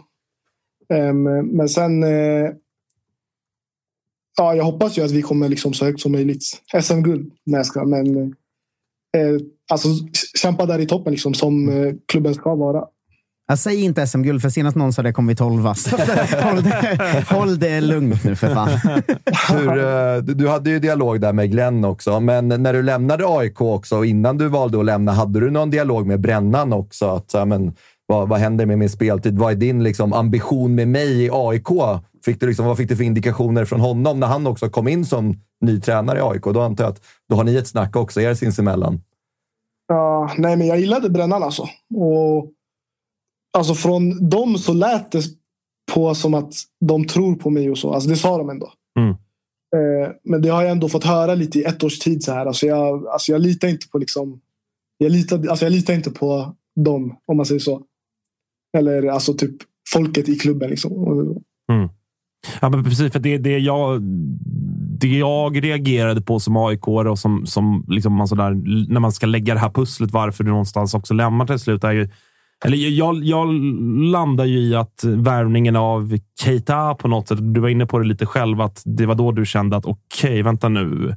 Uppenbarligen så, så tycker de som ansvarar för truppen att det, det, finns ett hål här att fylla där, där du kanske annars skulle ha fyllt det hålet. Hur avgörande mm. var det, den värvningen av Keita? Och ser det mer också såklart hans eh, start i derbyt, men kanske framförallt ändå värvningen. Nej, men alltså jag tänkte inte på det så mycket först när värvningen kom. Jag tänkte typ, alltså han är ändå mittback, sexa och sådär. Mm. Och då var det ändå upp till mig, för då tränarna var nya och så. Då tänkte jag att jag verkligen ska visa, visa vad jag går för. Och det tycker jag ändå att jag gjorde. liksom. Och sen där när, när han fick kliva in i derbyt direkt och starta. När jag ändå hade gjort det bra några matcher innan. Då blev det ganska tydligt för mig att så här, just nu är jag typ tredje sexa. Och, alltså, det är inte där jag vill vara. Liksom. Mm. Um, ja, det är en spännande diskussion. Det har varit vattendelare bland AIK-supportrar det här. Hur, hur, lite grann hur man har eh, hanterat den här eh, exiten. Jag, som sagt, jag tycker att det, det är tråkigt att du har lämnat, men jag tror att, eh, jag tror att Norrköping kommer bli ett bra kliv för Jag tror att Tapper har en avslutande fråga här. Eh, hur speciellt kommer det bli i eh, första bortamatchen som ju faktiskt är på Friends eh, Arena? ja, det, det känns, nu är det en match hemma mot Sirius och det är ju första saken. Men att redan andra matchen blir borta mot, mot AIK, det måste vara en speciell, eller det kommer väl vara en speciell känsla att kliva ut på Friends i, i IFK Norrköpings tröja? Ja, det kommer jag ihåg. Det var där jag gjorde min eh, första match på Friends också. Jag kommer ihåg, för det var ju förra året också. Och då var jag liksom fullsatt där. Och ja, alltså, det ska bara bli kul. Jag, mycket, alltså, jag gillar fansen som fan. Och det ska bli jävla kul att kliva ut där igen. Uh, hur, kan vi få du kan få välja. Du kan göra det mot bänken om du vill, eller läktaren eller sådär. Men jag, Ge av, honom inga idéer Avgör nu. du så vill jag kanske ändå se någon hyschning där. Finns den i luften eller? Säg eh, nej Jesper. Nej. du kommer bli omtyckt av Norrköpingssupportrarna ändå. du kommer bli no omtyckt av Norrköpingssupportrarna ändå. Det behöver inte hyscha ja, exakt. Jag, Jesper, Nej, jag vet inte. Vi får se. Ja. Jesper, jag vet inte hur mycket du liksom läser på sociala medier och sådär, men eh, som August var inne på också, det är inte bara August som var lite kritisk till AIKs val av att släppa det. Liksom. Hur mycket betyder det för dig att läsa allting, om du nu läser? Liksom? För såg man på Twitter så var det ändå väldigt många som var emot att AIK väljer att släppa dig och att du går till Norrköping. Hur mycket betyder det ändå att du har stödet från supportrarna i ett sånt läge? Nej, men jag tycker det är, alltså jag tycker det är kul och så. Alltså jag läser inte så jättemycket, men jag har fått höra av kompisar och så. Men jag tycker ändå det är kul att eh, typ så här, fansen, det lilla de har sett av mig, så har de ändå sett att eh, det finns något där. Så att inte de också tycker att jag är helt värdelös. det tycker i alla fall inte jag. Eh, så, mm. så mycket kan jag säga. hörru, tusen tack för att vi fick ringa och, och lycka till i, i Norrköping. Och, och tack ändå för den lite för korta tiden som det blev AIK. Ja, tack så mycket. Tack så mycket. Ta hand om dig. Ta hand om dig. Hej, hej, hej. Ja, det ska bli spännande. ska bli, ska bli väldigt spännande. Som sagt, det låter ju som att det är liksom 24 matcher från start i år. Alltså, jag mm. tycker ändå... Alltså, om, om Glenn nu har sålt in det med att vi behöver ett ankare och jag ser dig som, som det, liksom, då, då är det ju en sån spelare som ska kanske rätt in i elvan mot Sirius. Det låter ju som det, tycker jag. Vem, eh, vem, vems position tar han nu i Norrköping? Vem hade liksom spelat det på hans position? Om nu Jesper, som du också pratat mm. mycket om, du tror jag kommer vara en startspelare i början på allsvenskan. Jag skulle gissa att just nu är Jakob Ortmark ut ur elvan och så kommer vi spela med Traustason och eh, Ceesay som mer tillbaka liggande och eh, Vito Hammershöj Mistrati där framför. För det har varit ett balansproblem. Ska vi ta ramsan? Eh, vilken av dem? Vitos. Han har ju flera. Ja, dra eh, båda om du vill ha. Jag gillar ju väldigt mycket Vito, Vito, Vito. En dansk från Italien. Parmigiano, Reggiano på en pölse med bröd. Herregud. Den är underbar. för ja. Ortmark, för mig förra året, där får du rätta mig om jag är fel ute Tapper, men det var ändå en spelare som gjorde en del poäng i Norrköping mm. förra året. Att... Han är en poängspelare. Han är för eh, misstagsbenägen, kanske till och från. Nu har det sett lite bättre ut, men om man ska ligga med honom som en av två ankare liksom, på mittfältet, mm. då spelar kanske inte så stor roll om han slår till med ett drömmål, om det också innebär att han tappar tre farliga bollar utanför eget straffområde som gör att eh, ehm, eh, motståndarspelare kommer fri eh, av det. Och det var lite ett problem förra säsongen, att vi inte liksom hade riktigt balansen där, utan Ja, men Ortmark är ju, han är ju briljant i liksom tre situationer, men sen kommer tre situationer där det är för riskabelt spel i fel läge på plan. Alltså, jag tror när vi... Eh, Eh, det är någon Svenska cupen-match nu, om det är Guys där de håller på att kvittera för att han försöker snurrfinta bort tre man i eget straffområde i 88 minuten när vi leder med 1-0. Och så här, lite sådana grejer tror inte jag heller Glenn Riddersholm gillar fullt ut, eh, om jag ska vara ärlig. Och, eh, som jag gissar nu så är ju Ortmark är ju faktiskt den enda som har fått bänken av dem till förmån för Aris Skulason för att få in en defensivare spelare där. Så att, jag vet inte om jag skulle valt att ställa upp så, men jag tror att det kommer vara Ortmark som är, som är out. Jag älskar ju den typen av, av flashspelare, men kanske skulle vilja se en lite högre upp i plan istället och tycker ju inte att Hammershöj Mistrati har kommit in i det helt än. Så jag kanske hade valt Ceesay eh, bakom och Traustason Ortmark framför. Men jag tror att det kommer vara Ceesay, Traustason och eh, Hammershöj Mistrati som är grunden. Sen får man se om det är redan mot Sirius. Det vet jag inte hur, hur snabbt man vågar gå in med Ceesay. Men, men så tror jag det kommer se ut. Mm. Jag byter lite ämne här, men har inte ni i Norrköping extremt många som spelar ramsor? Alltså, det, det, de körs ju inte på läktaren, de flesta av dem. Utan det är ju De mycket... flesta stannar på Tappers Twitter. De flesta stannar på min Twitter. Men ja, jag har faktiskt också den eh, känslan, eller? men Vad vi har ni för liksom... eh, Men det är kul att skriva ramsor om spelare också ju.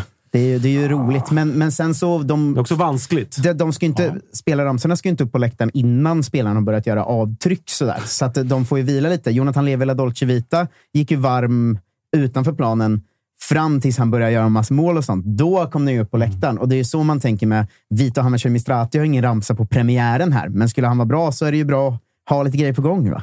Har du någonting på gång? Jag sjöng väl nyss. Galen. Freddy Sunnade. Ja, men anledningen till att jag frågar är att här, i, i, i våra supporterroller så har vi varit väldigt restriktiva med spelarramsor. Mm. Men ni har inga bra namn på spelare heller? På samma sätt. Målotto är väl den kändaste kanske. Ja, jo. Joe Jao, för fan. Ja, Nej, men vi, alltså, det, vi har väl haft några. Så här, vi har haft någon på eh, Nikola Ladan, eh, Mm. kusin till eh, eh, Josip. Otroligt. Ja, någonting om att han det har är... inte sagt. Ja, men någonting om att han är en meter lång, men inte en tjong. Alltså, fantastiskt bra. Mm.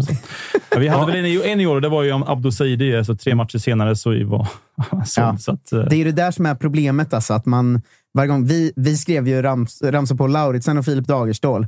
Sen kom corona, så fick man inte gå på matcherna och sen när corona var slut var ju båda borta. Och då fick man inte köra dem en enda gång, fast det var allas nya favoritramsor. Så det är ju vanskligt det där. De det, försvinner det, ju hela jag tiden. håller med, det är extremt kul med personliga ramsor, men ja. Har du, eh, vad har du för favorit eh, spelarramsor i, i Djurgårdsled? Ja, men det är väl Chabbe Toma då. Hur gick den? Ja, men den ska vi, kan vi inte sjunga nu. Ah, okay. Jag trodde att det var Jola Zorro du skulle landa i. Ja, jo. Den, Han gör- han gör man, är ju hatisk av naturen, va? Nej, det är jag Det är absolut många inte. sådana spelarramsor som är... Jag har ju en, eller det finns ju en eh, väldigt intern om eh, Bilal Hussein.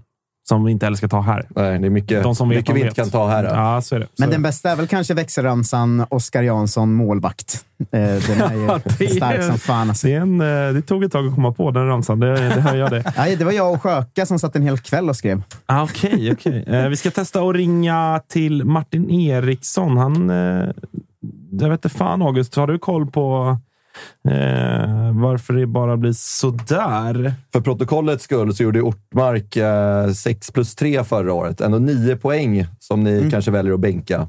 Ja, men... eh, Det är också en kille jag har i mitt fantasylag, men den sa att jag var tvungen att plocka bort honom snabbt. Men eh, han gör ju också tre drömmål per säsong på ett sätt som är... Det är roligt med sådana spelare som man bara så här... Han har varit osynlig någon match nu, men så smäller han liksom in en volley från 15 meter upp i kryss. Alltså han är ju en sån spelare också, på, på ett härligt sätt. Och en jävla massa nickmål. Ju. Många hörnmål trots att han är eh, alltså inte särskilt lång. Nej, eh, han fick väl... Eh, 1,76. han fick ju eh, en egen ramsa till det som jag inte minns nu, men något Såklart. om att han är 1,60 Såklart. lång. Men den sjöngs nästan aldrig heller på eh, läktaren faktiskt, tyvärr. Nej, okej. Eh, ska du, du kan få avsluta där vi var kring Degerfors under tiden medan vi försöker få ordning på tekniken här och ringa Martin Eriksson. Du, Ja. du ville avsluta ditt resonemang där. Ja, nej, men alltså jag tycker ju... Nu minns jag inte exakt vad det var, men det är, det är väldigt tråkigt att... För jag tror att vi hade kunnat sålt mer biljetter. Mm. Eh, Alltså 1200, jag måste lyfta det igen, alltså, men det är en imponerande siffra och det är också Ja. det vi har pratat om mycket om allsvenskan. Att liksom, kulturen har liksom... Här, det är klart att det har funnits en kultur i klubbarna, liksom, men att det blir liksom bredare och bredare. Det blir fler och fler som blir en del av det. Vi, vi såg Varberg förra året, vi ser Sirius, hur de har jobbat på senaste åren och nu kommer ni 1200 upp till, till bayern matchen Det är jävligt, jävligt kul för svensk fotboll. Ja, sen så kanske det har sin eh, lilla naturliga förklaring i att eh, som Degerfors är ehm, ett lag som har många supportrar i stora städer, och, men inte så många ståplatssupportrar. Om du frågar mig. Så att, Mm. Normalt sett när vi möter ett lag typ Djurgården borta någonting eller Bayern, så är det många som sitter på sin plats. Långsidan där. Ja, nu är allt centrerat. Så att. Ehm, vad var det jag tänkte på mer? Jag, jag, jag vill prata om eh, Vukovic. Som ju jag, vi ska prata lite, avsluta med lite fantasy-snack här i slutet, men eh, det är väl kanske framför allt av fantasy-anledningar jag frågar. Men vad, Mm. hur ser du på hans? För han hade ju en eh, skadefylld och ganska tung eh, debutsäsong i Degerfors efter en, eh, ja, men hans starka målsäsong i Norrby i Mm. Superettan året innan. Eh, hur ser du på hans eh, roll och hur viktig blir han i år? Jag personligen tycker ju att han spelas på fel position. Eh, jag tycker att han ska spela till vänster eh, istället för Campos, eller som reserv för Campos. Han ska inte spela centralt, tycker inte jag. Alltså Okej. sett historiskt. Men, och det där tog jag upp med Patrik Werner och han håller inte med mig. Alltså, han tycker att det ser mycket, mycket bättre ut eh, med eh, Dijan som eh, nia och det får jag väl ändå ge han. Har ändå gjort några mål i superettan, eller förlåt, i Svenska cupen. Väldigt fint mål mot Malmö. Eh, Väldigt fint mål mot Skövde också. Ser sylvass ut i kontringarna tycker jag, mot Malmö. Alltså, Ja. jag, det känns farligt. Eh, Hela tiden det först bryter tänker man, fan nu kommer han fri igen. Där. Ja, menar, han, alltså, han har sådana fantastiska liksom, fotbollsegenskaper, men han har väl inte fått ut dem till sin rätt helt och hållet. Och, eh, ja, men, jag, jag vet inte riktigt vad jag ska svara på frågan. Där. Jag, jag vill ju att han ska spela, men kanske inte som nya. Jag hoppas att Fortune Bassi kan vara ett mer naturligt val. Men hur ser du på, på Campos då? Är det out ur elvan helst? Eller? För jag tycker att det är för mycket för svagt beslutsfattande där, även om han har fina egenskaper. Alltså, det pratade vi om i vårt Mm. Degerfors-avsnitt, att vi alla var så här, hade han bara haft hjärnan på plats liksom, så hade han kunnat vara väldigt bra, men det känns som att så här, det är lite symboliskt det där, eh, liksom missen istället för att passa i slutet mot, Mm. mot Malmö. Där. Hur, hur ser du på honom? Jag kan ju egentligen bara instämma att eh, framförallt den missen mot Malmö är ju kanske dåligt beslutsfattande, men å ena sidan slut på, slut på matchen, långt, allt fram till dess fantastiskt. Eh, jag tror att han kommer vara nyttig för oss, framförallt på hemmaplan och framförallt i fasta situationer. Han har en fantastisk högerfot. Eh, vi får väl se hur det, hur det blir med det i Degerfors. Nu släpper vi dem och ska prata om BK Häcken. Välkommen tillbaka till Toto-svenskan Martin Eriksson. Tack så mycket. Hur mår du? Jag mår bra. Finns väl inte mycket att klaga på i, uh, ute på Hisingen nu, eller? Ja, det är vädret i så fall. Ja, det och regnigt. regnar eller? Ja, det har varit lite trist, det får man nog säga. Men eh, nej, annars mår vi bra. Det förstår jag. Hörde du, eh, en hel del snackisar kring, kring Häcken i veckan. Om vi börjar i änden med Ola Kamara presenterad. Berätta lite hur, hur tankarna har gått där och vad, vad det var som gjorde att ni valde att gå för honom. Det har varit en ganska lång process. Vi har väl egentligen eh, sedan eh, Alexander Jeremejeff försvann eh, letat efter en, eh, efter en ersättare men samtidigt har vi inte haft någon panik. Eh, um, däremot när, när Blair då, Turgott, eh, väldigt tråkigt gick sönder så, så blev det väl mer akut. Eh, sen har vi haft Beni som har gjort det väldigt bra. Eh, eh, Ändå så det har varit, varit skönt och tryggt. Men, men egentligen den senaste tiden så har det varit en ganska intensiv eh, letande efter, efter att hitta rätt. Eh, gällande Ola så, så passar väl han in väldigt bra i, i profilen att hitta någon som uh, dels uh, som man är stark, uh, dynamisk och öd, uh, ödmjuk i, i det defensiva jobbet i, i, att, i att pressa motståndaren. Samtidigt också väldigt smart och väldigt skarp inne i boxen. Uh, har ju ett väldigt uh, bra målsnitt, inte minst de senaste åren och egentligen en av, ja, definitivt den fåren som vi har uh, ja, sett i, vår, uh, i vårt letande som har gjort flest mål över tid. Det, det är inte många forwards som klarar av att göra så många mål över tid uh, återkommande så att, det är ett väldigt starkt facit. Eh, vi eh, spelar in lagspecial om alla nu och i, eh, man hör våra röster väldigt högt i bakgrunden här tror jag, på något konstigt sätt. Men skitsamma. Vi spelar in lagspecial om alla nu och i BK Häcken-avsnittet så pratar vi om att jag har en bild av att Häcken kanske inte alls behöver försvagas av att Jeremejeff försvinner. Man försvagas ju alltid av att en så, så stark målskytt försvinner, liksom, men att spelmässigt skulle det kunna passa er bättre att inte ha honom. Håller du med om den bilden? Man kan ju säga att vi förändras lite grann. Alex är ju en väldigt stark target och har varit väldigt skicklig i boxen. Uh, uh, det som vi, vi uh, och, och targetspelet spelet blir vi såklart lite lidande i men däremot så, så uh, blir vi lite mer dynamiska. Det ser vi uh, nu med Beni när han har spelat. Mm. Och att vi kanske kan liksom bli ännu lite bättre i, i pressspelet och spela in lite mer bollar bakom. Um, det är väl egentligen de saker som, som skiljer sig. Men, men det är klart att Alex gjort väldigt mycket mål och, och är en otroligt skicklig spelare. Men, men vi kommer väl se ut på lite annorlunda sätt. Hur, är, hur kommer Ola in i den bilden? Då? Är han någon form av liksom hybrid mellan Beni och, och Alex? Eller liksom hur, för de som inte har sett honom i, i MLS eller Norge? Liksom? Ja, det kan man nästan säga. Det, är lite, det skiljer otroligt mycket i storlek på Beni och de är nästan åt, åt varsitt håll uh, står ut som uh, fysiskt och Ola är väl lite där mitt, i, mitt emellan. Så att, ja, kanske eh, utifrån hans erfarenhet och han har fortfarande en, en relativ snabbhet kvar. Eh, och, men har Alex eh, smartness in i boxen skulle jag säga. Eh, så att, ja, det, det, kan man väl säga. Dynami, han har ju spelat lite, lite också på, på kanten så han klarar ju av det också även om det inte är där vi ser att vi kommer använda honom. Eh, Alex var ju mer renodlad nia eh, Eh, på det sättet. Då, så att, eh, Ola är väl en lite mer dynamisk eh, speltyp. Just det. Eh, och, och, Den andra stora grejen som har varit här i veckan då, som jag såklart måste fråga om är ju ryktena som kom från dansk media ursprungligen angående Per-Mattias Högmo. Eh, ja, vad kan du säga om det där egentligen? För det, var, det var många turer och många eh, kvällstidningar här i Sverige som fick skicka ut dubbla pushnotiser med, med vändningen. Per-Mattias Högmo blir kvar i Häcken. Vad, vad, vad kan du säga som sportchef? Ja, man kan väl säga att media har ganska stor makt på, på vad folk eh, tycker och tänker i alla fall. Och sen om det är sant eller inte, det är, det är en annan sak. Men det, det är väl första gången jag kan minnas, så länge jag varit i den här branschen i alla fall, som man har varit så fel på det.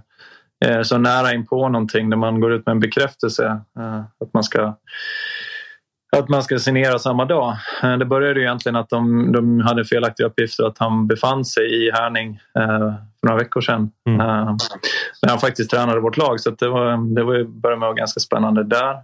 Sen så var det väl då gårdagen. Uh, så det är väl egentligen ja, lite, lite märkligt kan man tycka utifrån, utifrån media och, första gången jag upplevt att det varit så fel på det sättet. Hur hanterar man en sån situation som sportchef? Jag tänker att så här, sprider det sig en oro i truppen eller hela truppen är liksom införstådda med hur läget är och ni vet vad som gäller? Eller blir det att det blir en, en oro i truppen när sådana här rykten börjar sprida sig? Kommer spelare och fråga vad är det som händer egentligen med, med Högmo? Eh, ja, alltså relativt sett så tycker jag väl att det, det är... Eh, spelare är ganska luttrade. Eh, sen beror det på hur mycket eh, spekulationer det blir och, och några vill alltid fråga eh, mer och några kanske inte bryr sig så mycket utifrån eh, att, att ja, de tar det som det kommer och kör på.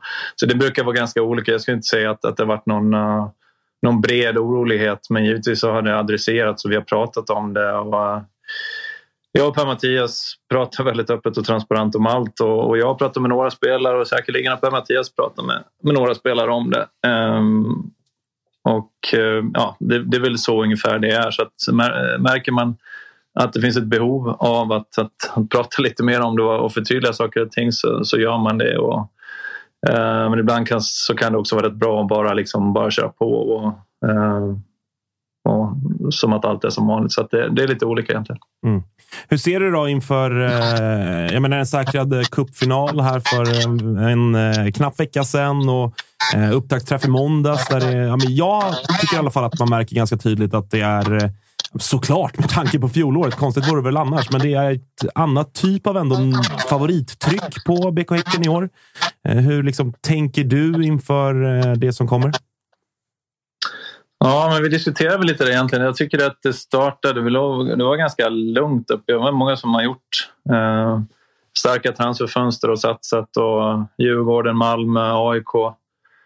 Eh, vi har väl legat ganska lugnt där i, i bakvattnet eh, ändå och tyckt att väl kanske liksom, vi, vi vet att vi är bra. Sen så har det egentligen varit från att vi gjorde en väldigt bra match i första gången egentligen vi spelade kanske riktiga A-laget i Marbella när vi mötte, mötte Århus som, mm. som i sin tur har gått väldigt bra eh, därefter i danska ligan.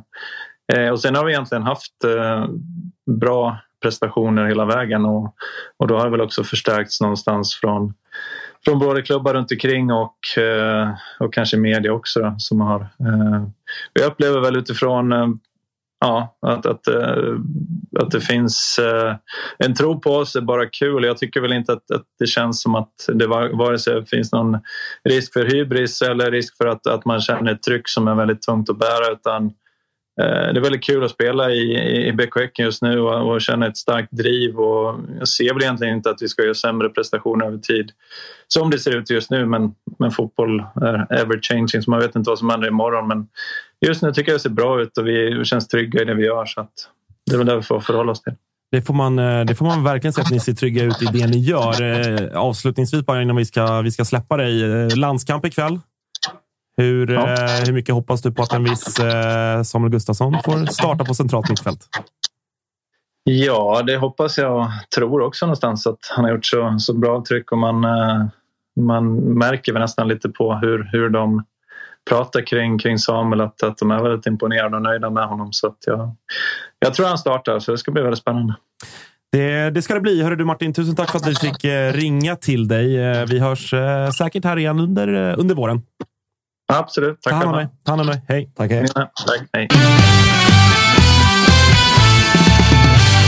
Så budar vi ett par hörlurar till honom till nästa gång då. Ja, från, eh, från Jace kanske. Ja, ja, men Eh, exakt. eventuellt. Det, det, ja, det, men jag vet inte om det var, var det hans lurar. Jag vet inte vad det var. Jo, som- han hade inga hörlurar på sig, så det blev ju dubbelljud därför. Ah, det gick någon form av rundgång heter det va, i ljudkretsar? Ja, jag fick, jag fick ju säga till eh, Josip att så här, håll upp micken, men jag orkade inte bara ta på dig ett par lurar. För helvete Martin! Eh, jag har för övrigt kommit på hur Ortmark-ramsan gick, så jag kommer att avsluta med den sen. Okej. Men hyfsat transparent ändå, får man säga. Det var väl det Absolut. vi efterfrågade när vi skulle ringa upp honom och höra Vad, lite. vad tänker du Dava kring Högbo-ryktena? För att så här, det är en så, alltså, nu när, när man sitter så här och pratar med, med liksom Martin och han känns eh, så jävla trevlig och, och känns öppen och transparent och liksom så. Men vi, vi vet också vad som hände när Henrik Rydström... Exakt. Alltså så här, vi har en, en sån situation ändå i närtid. Hur mycket ger du för att en sportchef ändå säger att ja, jag vet inte vad media håller på med här och det finns ingen sanning i det där? Men vad, an, vad annars kan jag säga? Ja, men det exakt. finns liksom Exakt. ingenting att säga. Och det, jag tänkte precis samma sak där. Att det kan ju lika gärna bli en Rydström 2.0 det här. Alltså det, det, det, återigen, man, jag ger inte mycket för de här dementierna egentligen. Samma sätt som jag inte ger det mycket för en tippning. Men eh, nej, jag, Men de kommer ju dementi- så länge han blir kvar Exakt. kommer de att dementera. Ja, och nu men- kommer han ju bli kvar, tror jag. Och då är det, så här, då är det bara bra att de har dementerat det hela vägen. Absolut. Alltså, det, det ser ju snyggare ut. Det är så man jobbar. Alla vi vet att Högmo har pratat med Midtjylland och Midtjylland velat ha Högmo. Mm. Nu blev han kvar. Då är det väl bara snyggt att de har dementerat hela vägen. Det är väl klart han, han har pratat med dem. Det fattar väl vem som helst. Ja, det att, att de har haft en dialog för, förstår ju såklart alla eh, i och med att de är på en tränarjakt. Men eh, ja, det får se. Jag, jag har väl också landat i att jag tror att han eh, blir kvar. Liksom. Eh, det är någon lokaljournalist där i Danmark som behöver se över sina Har, källor. eh, Kämpiga dagar. Alltså. har Högmo själv uttalat sig. Ja, det har han gjort. Till Fotbollskanalen tror jag att han uttalade sig igår och bara sådär slog ner på uppgifterna kort. Eh, inte liksom, inga uttömmande svar, utan bara där det stämmer inte. Jag är inte Ju mer, ju mer dementier, desto mer sannolikt att det blir av. Tänker jag. Ja, kanske. Det, det finns, väl, finns väl någon form av, eh, av sanning i, eh, i det. Eh, hörni, ska vi avsluta med lite fantasy-snack eller, eller bara pusha åtminstone? Eh, August, jag tror att vi har en... Vi kan få upp vår kod va? Grafiskt. Eh, Tapper, ska du, ska du dra den eller ska August dra den kanske? Jag tycker det, det är dags för ett riktigt eldprov här för Agge. Eh, det är riktigt svårt nu. Nu ska jag alltså säga en kod på sex siffror, Agge. Och så om du inte klarar det, då, är- då är det kicken. Ja. Ska vi se om vi hittar kameran först. där. Där. KU4FCM. Bara små bokstäver. Så ja. Gå med i, gå med i vår liga. Dava, har du gjort ditt lag? Absolut inte. Du eh, av princip själv mm, Håller mig borta. håller dig borta från fantasy? Men Okej. det här blir ju Allsvenskan Fantasys eh, största liga och mest det. prestigefyllda framför allt. Jajamän. Eh, och det är många. Jag tror att vi är över tresiffrigt, eller på tresiffrigt nu då. Inte, vi är inte på fyrasiffrigt än. Nej. Men tresiffrigt som har hört av sig och sagt att deras enda mål är att komma före mig nu efter mitt kaxande här i studion. Ja, du, har ju, att, du har ju tryckt ut en ordentlig ändå, ändå svans, får man säga. Men om, jag- om, om jag får mjölka dig på ett svar på den här frågan, då, Dava, vilken spelare i Degerfors eh, ska man ha i sitt fantasylag? Du, förstår, du vet ju vad det går Ja, ut på. ja, ja, självklart. självklart. Eh, nej, men Damian Pavlovic, 100 procent. Okej. En Ingen, po- ing, alltså, jag tror att han kommer eh, vara en hyfsad poängspelare, även fast han liksom spelar- 5,0 kostar han. Okej. Det är ganska bra. Det är billigt. Billigt. Det är billigt. Okej. Mm. Ja, men köp honom. Sen är ju alla ganska billiga i Degerfors, ska jag ärligt säga. men, men, Vem är men, dyrast i degen? Det, är, eh, det ser ut att vara ett för- nyförvärv, Bassey, som kostar 6,5. Ja, men Sen finns Campos kanske. eh, 6,0 också och Vukovic 6,0. Jag sitter ju med Vukovic. Bindel? Eh, gissa en gång. Kör dubbelkaptenen första. Ja, nej, men alltså, Där är Bindel. så klart tror jag att Vukojevic kommer bli eh, en poängspelare i år. Det tror jag. Mm. Eh, men Freddy, några sista rekar här inför eh, helgen? Nej, men eh, fan, Djurgården möter ju Gävle just nu. Senast det. jag såg så stod det 0-0 och det är en kvart kvar. Aj, aj, aj, aj. Ja, det är backarna som ska in då. Nollan mot Gävle ändå. Det är Exakt. Ja, det är ja, det står fortfarande 0-0. Vi har ju satt frågetecken på backlinjen, men nu går de ut och håller nollan inför allsvenskan. verkligen, och det är inte helt lätt att Visst göra var det något eh, nyförvärv där va, som eh, var med i truppen? Rolke? Du, Rolke, han har ju tränat med Djurgården en månad. Men han har inte Eh, presenterat väl? Han är inte presenterad. Han är uttagen i matchtruppen idag. Sitter på, jag vet inte om han har kommit in där, men han är på bänken i alla fall. Och är ju även med i truppen om man går in på Djurgårdens sida och kollar på A-lagstruppen så står ju Rolke med där också. Så att eh, det kommer nog eh, komma någonting någon gång, hoppas jag. Lagerbjerke Det, det, kanske? det ser ju tydligt ut. Ja, vad, hände, vad hände där i Degerfors? Var, var det bara ett, ett rykte att han skulle lånas ut till Degen? Det var ju gossip. Ja. Ja, nej, men alltså, att, Har du hört någonting? att de pratar, Andreasson och Werner, eh, de är väl goda vänner, så att, eh, att snacket går, det tror jag. Eh, Jag tror att om, och det säger Werner också, att om han blir tillgänglig så kommer de lösa det. Men högst osannolikt, säger han. Det är fl- fler dementier, så att det kommer väl hända, tänker jag. Mm, omvänd psykologi där. Ja. Vi, eh, vi Han trivdes ju väldigt bra också, Degerfors ska jag tillägga, så att det finns ju liksom... Tapper? Spetsigt just nu. Man sitter ju och gör om sitt lag varje dag. Ja. Nu ingen från Häcken, ingen från Bayern, ingen från Djurgården. Oj! Eh, så vi ska se om jag, jag har hittat ett jävla guldbygge i skymundan här. Vi får se. Som man Är det kommer inget veta du vill att du kommer plocka in lite Djurgårdare Ingen- där ingen- i sista minuten. Ingen ny, eh, liksom, eh, nytt kap du vill eh, offentliggöra så här? Mm, nej, Nej. det här laget kommer ändras mer, tror jag. Eh, fan. vi får se lite. Men, men jag tror, eh, mitt ständiga tips är ju att vara Mjällbytung i början. Va? Alltså Varberg, Värnamo, Degerfors, BP första fyra. Där skulle man ju ha tre Mjällbyspelare rakt in. Alltså. Ja, det är nog, det är nog ingen dum rek. Eh, Du Ragge, hur ser ditt lag ut? Hur, Ja, eh, men jag satt och pillade lite mer i... Har du något genidrag? Eh, Ja, du. eh, Det är, ju- det är en smaksak, va? Men, eh, JG. John Guidetti är en bra spelare. Eh, sätt- Sätt binden där. Nej, men jag, sitter ju, jag är ju eh, såklart li, kan, troligtvis lite för AIK-tung. Men eh, Har du AIK-tung. JG och Fischer? Eh, och sen har jag också, jag, sen har jag också en del Häckenspelare. Va? Eh, så att det är där jag bränner eh, pengarna. Hål i väggen hemma hos familjen Spångberg när Halmstad vunnit med 1-0 i premiären. Ja, alltså det vet jag ju. Men jag har ju inget annat val. Jag kan ju inte liksom sitta med någonting annat. Så att, eh, redan nu spelar jag för mycket med hjärtat, så att det kommer ju såklart gå, gå åt pipan för mig i det, i det där laget. Men jag kommer ha heden i behåll. Eh, det, heden i behåll tycker jag också att Agge hade efter sin första ensamma sändning. Fan vad, det gick väl bra det här. Förutom att det kraschade där inledningsvis i och för sig. Men, men, men utöver det, kändes det bra? Skitkul. Ja. Kul att vara här. Ja, fan vad, fan vad Hyll för kul. tröjan också. Ja, hyll Ja, för tack. tröjan. Du är tillbaka nästa vecka. Det är jag också. Svanemar har väl eh, två månader kvar på Maldiverna, så att, eh, vi får se när han är tillbaka. Men då, då blir det ett nytt avsnitt. Toto Live imorgon. Mm. Kan man hänga med mig och Kalle? Om man vill, eh, då ska vi ringa upp eh, Pontus Jansson. Fan vad stort. För, så att inte minst eh, alla Malmösporter som lyssnar på det här, häng med oss imorgon mellan Mm. 10 och eh, 13. Och på söndag, alla Malmösupportrar, vilken jävla helg! Mm. Jävla Toto-Malmö-helg. Då är det nytt avsnitt av eh, Toto-svenskans söndagsintervju. Med eh, sportchef Daniel Andersson. Ja, som faktiskt svarar ärligt och, och pratar. Och jag, jag har ju lyssnat på intervjun. Det var ju Jocke och Josip som var nere och gjorde den. Och, eh, jag förväntar mig kanske en eh, sargutig Daniel Andersson som han har vant sig lite vid i många sammanhang. Men jag tycker han, han svarar på frågorna och det var, det var en jävligt intressant timme. Så att, eh, den kommer på söndag. Mm. Häng med oss eh, då och de här lagspecialerna tuggar vidare. Ett nytt lag varje dag fram Mm. till den allsvenska premiären. Där var kul att se dig. Kul att se er. Vi eh, hörs. Kul, och, kul att ni lyssnar och allt det där. Eh, Skit på det. tar vi fredag. Tar fredag. Ortmark hela natten, Ortmark hela dagen. Ortmark knoppar in, den firas av en grann från stan.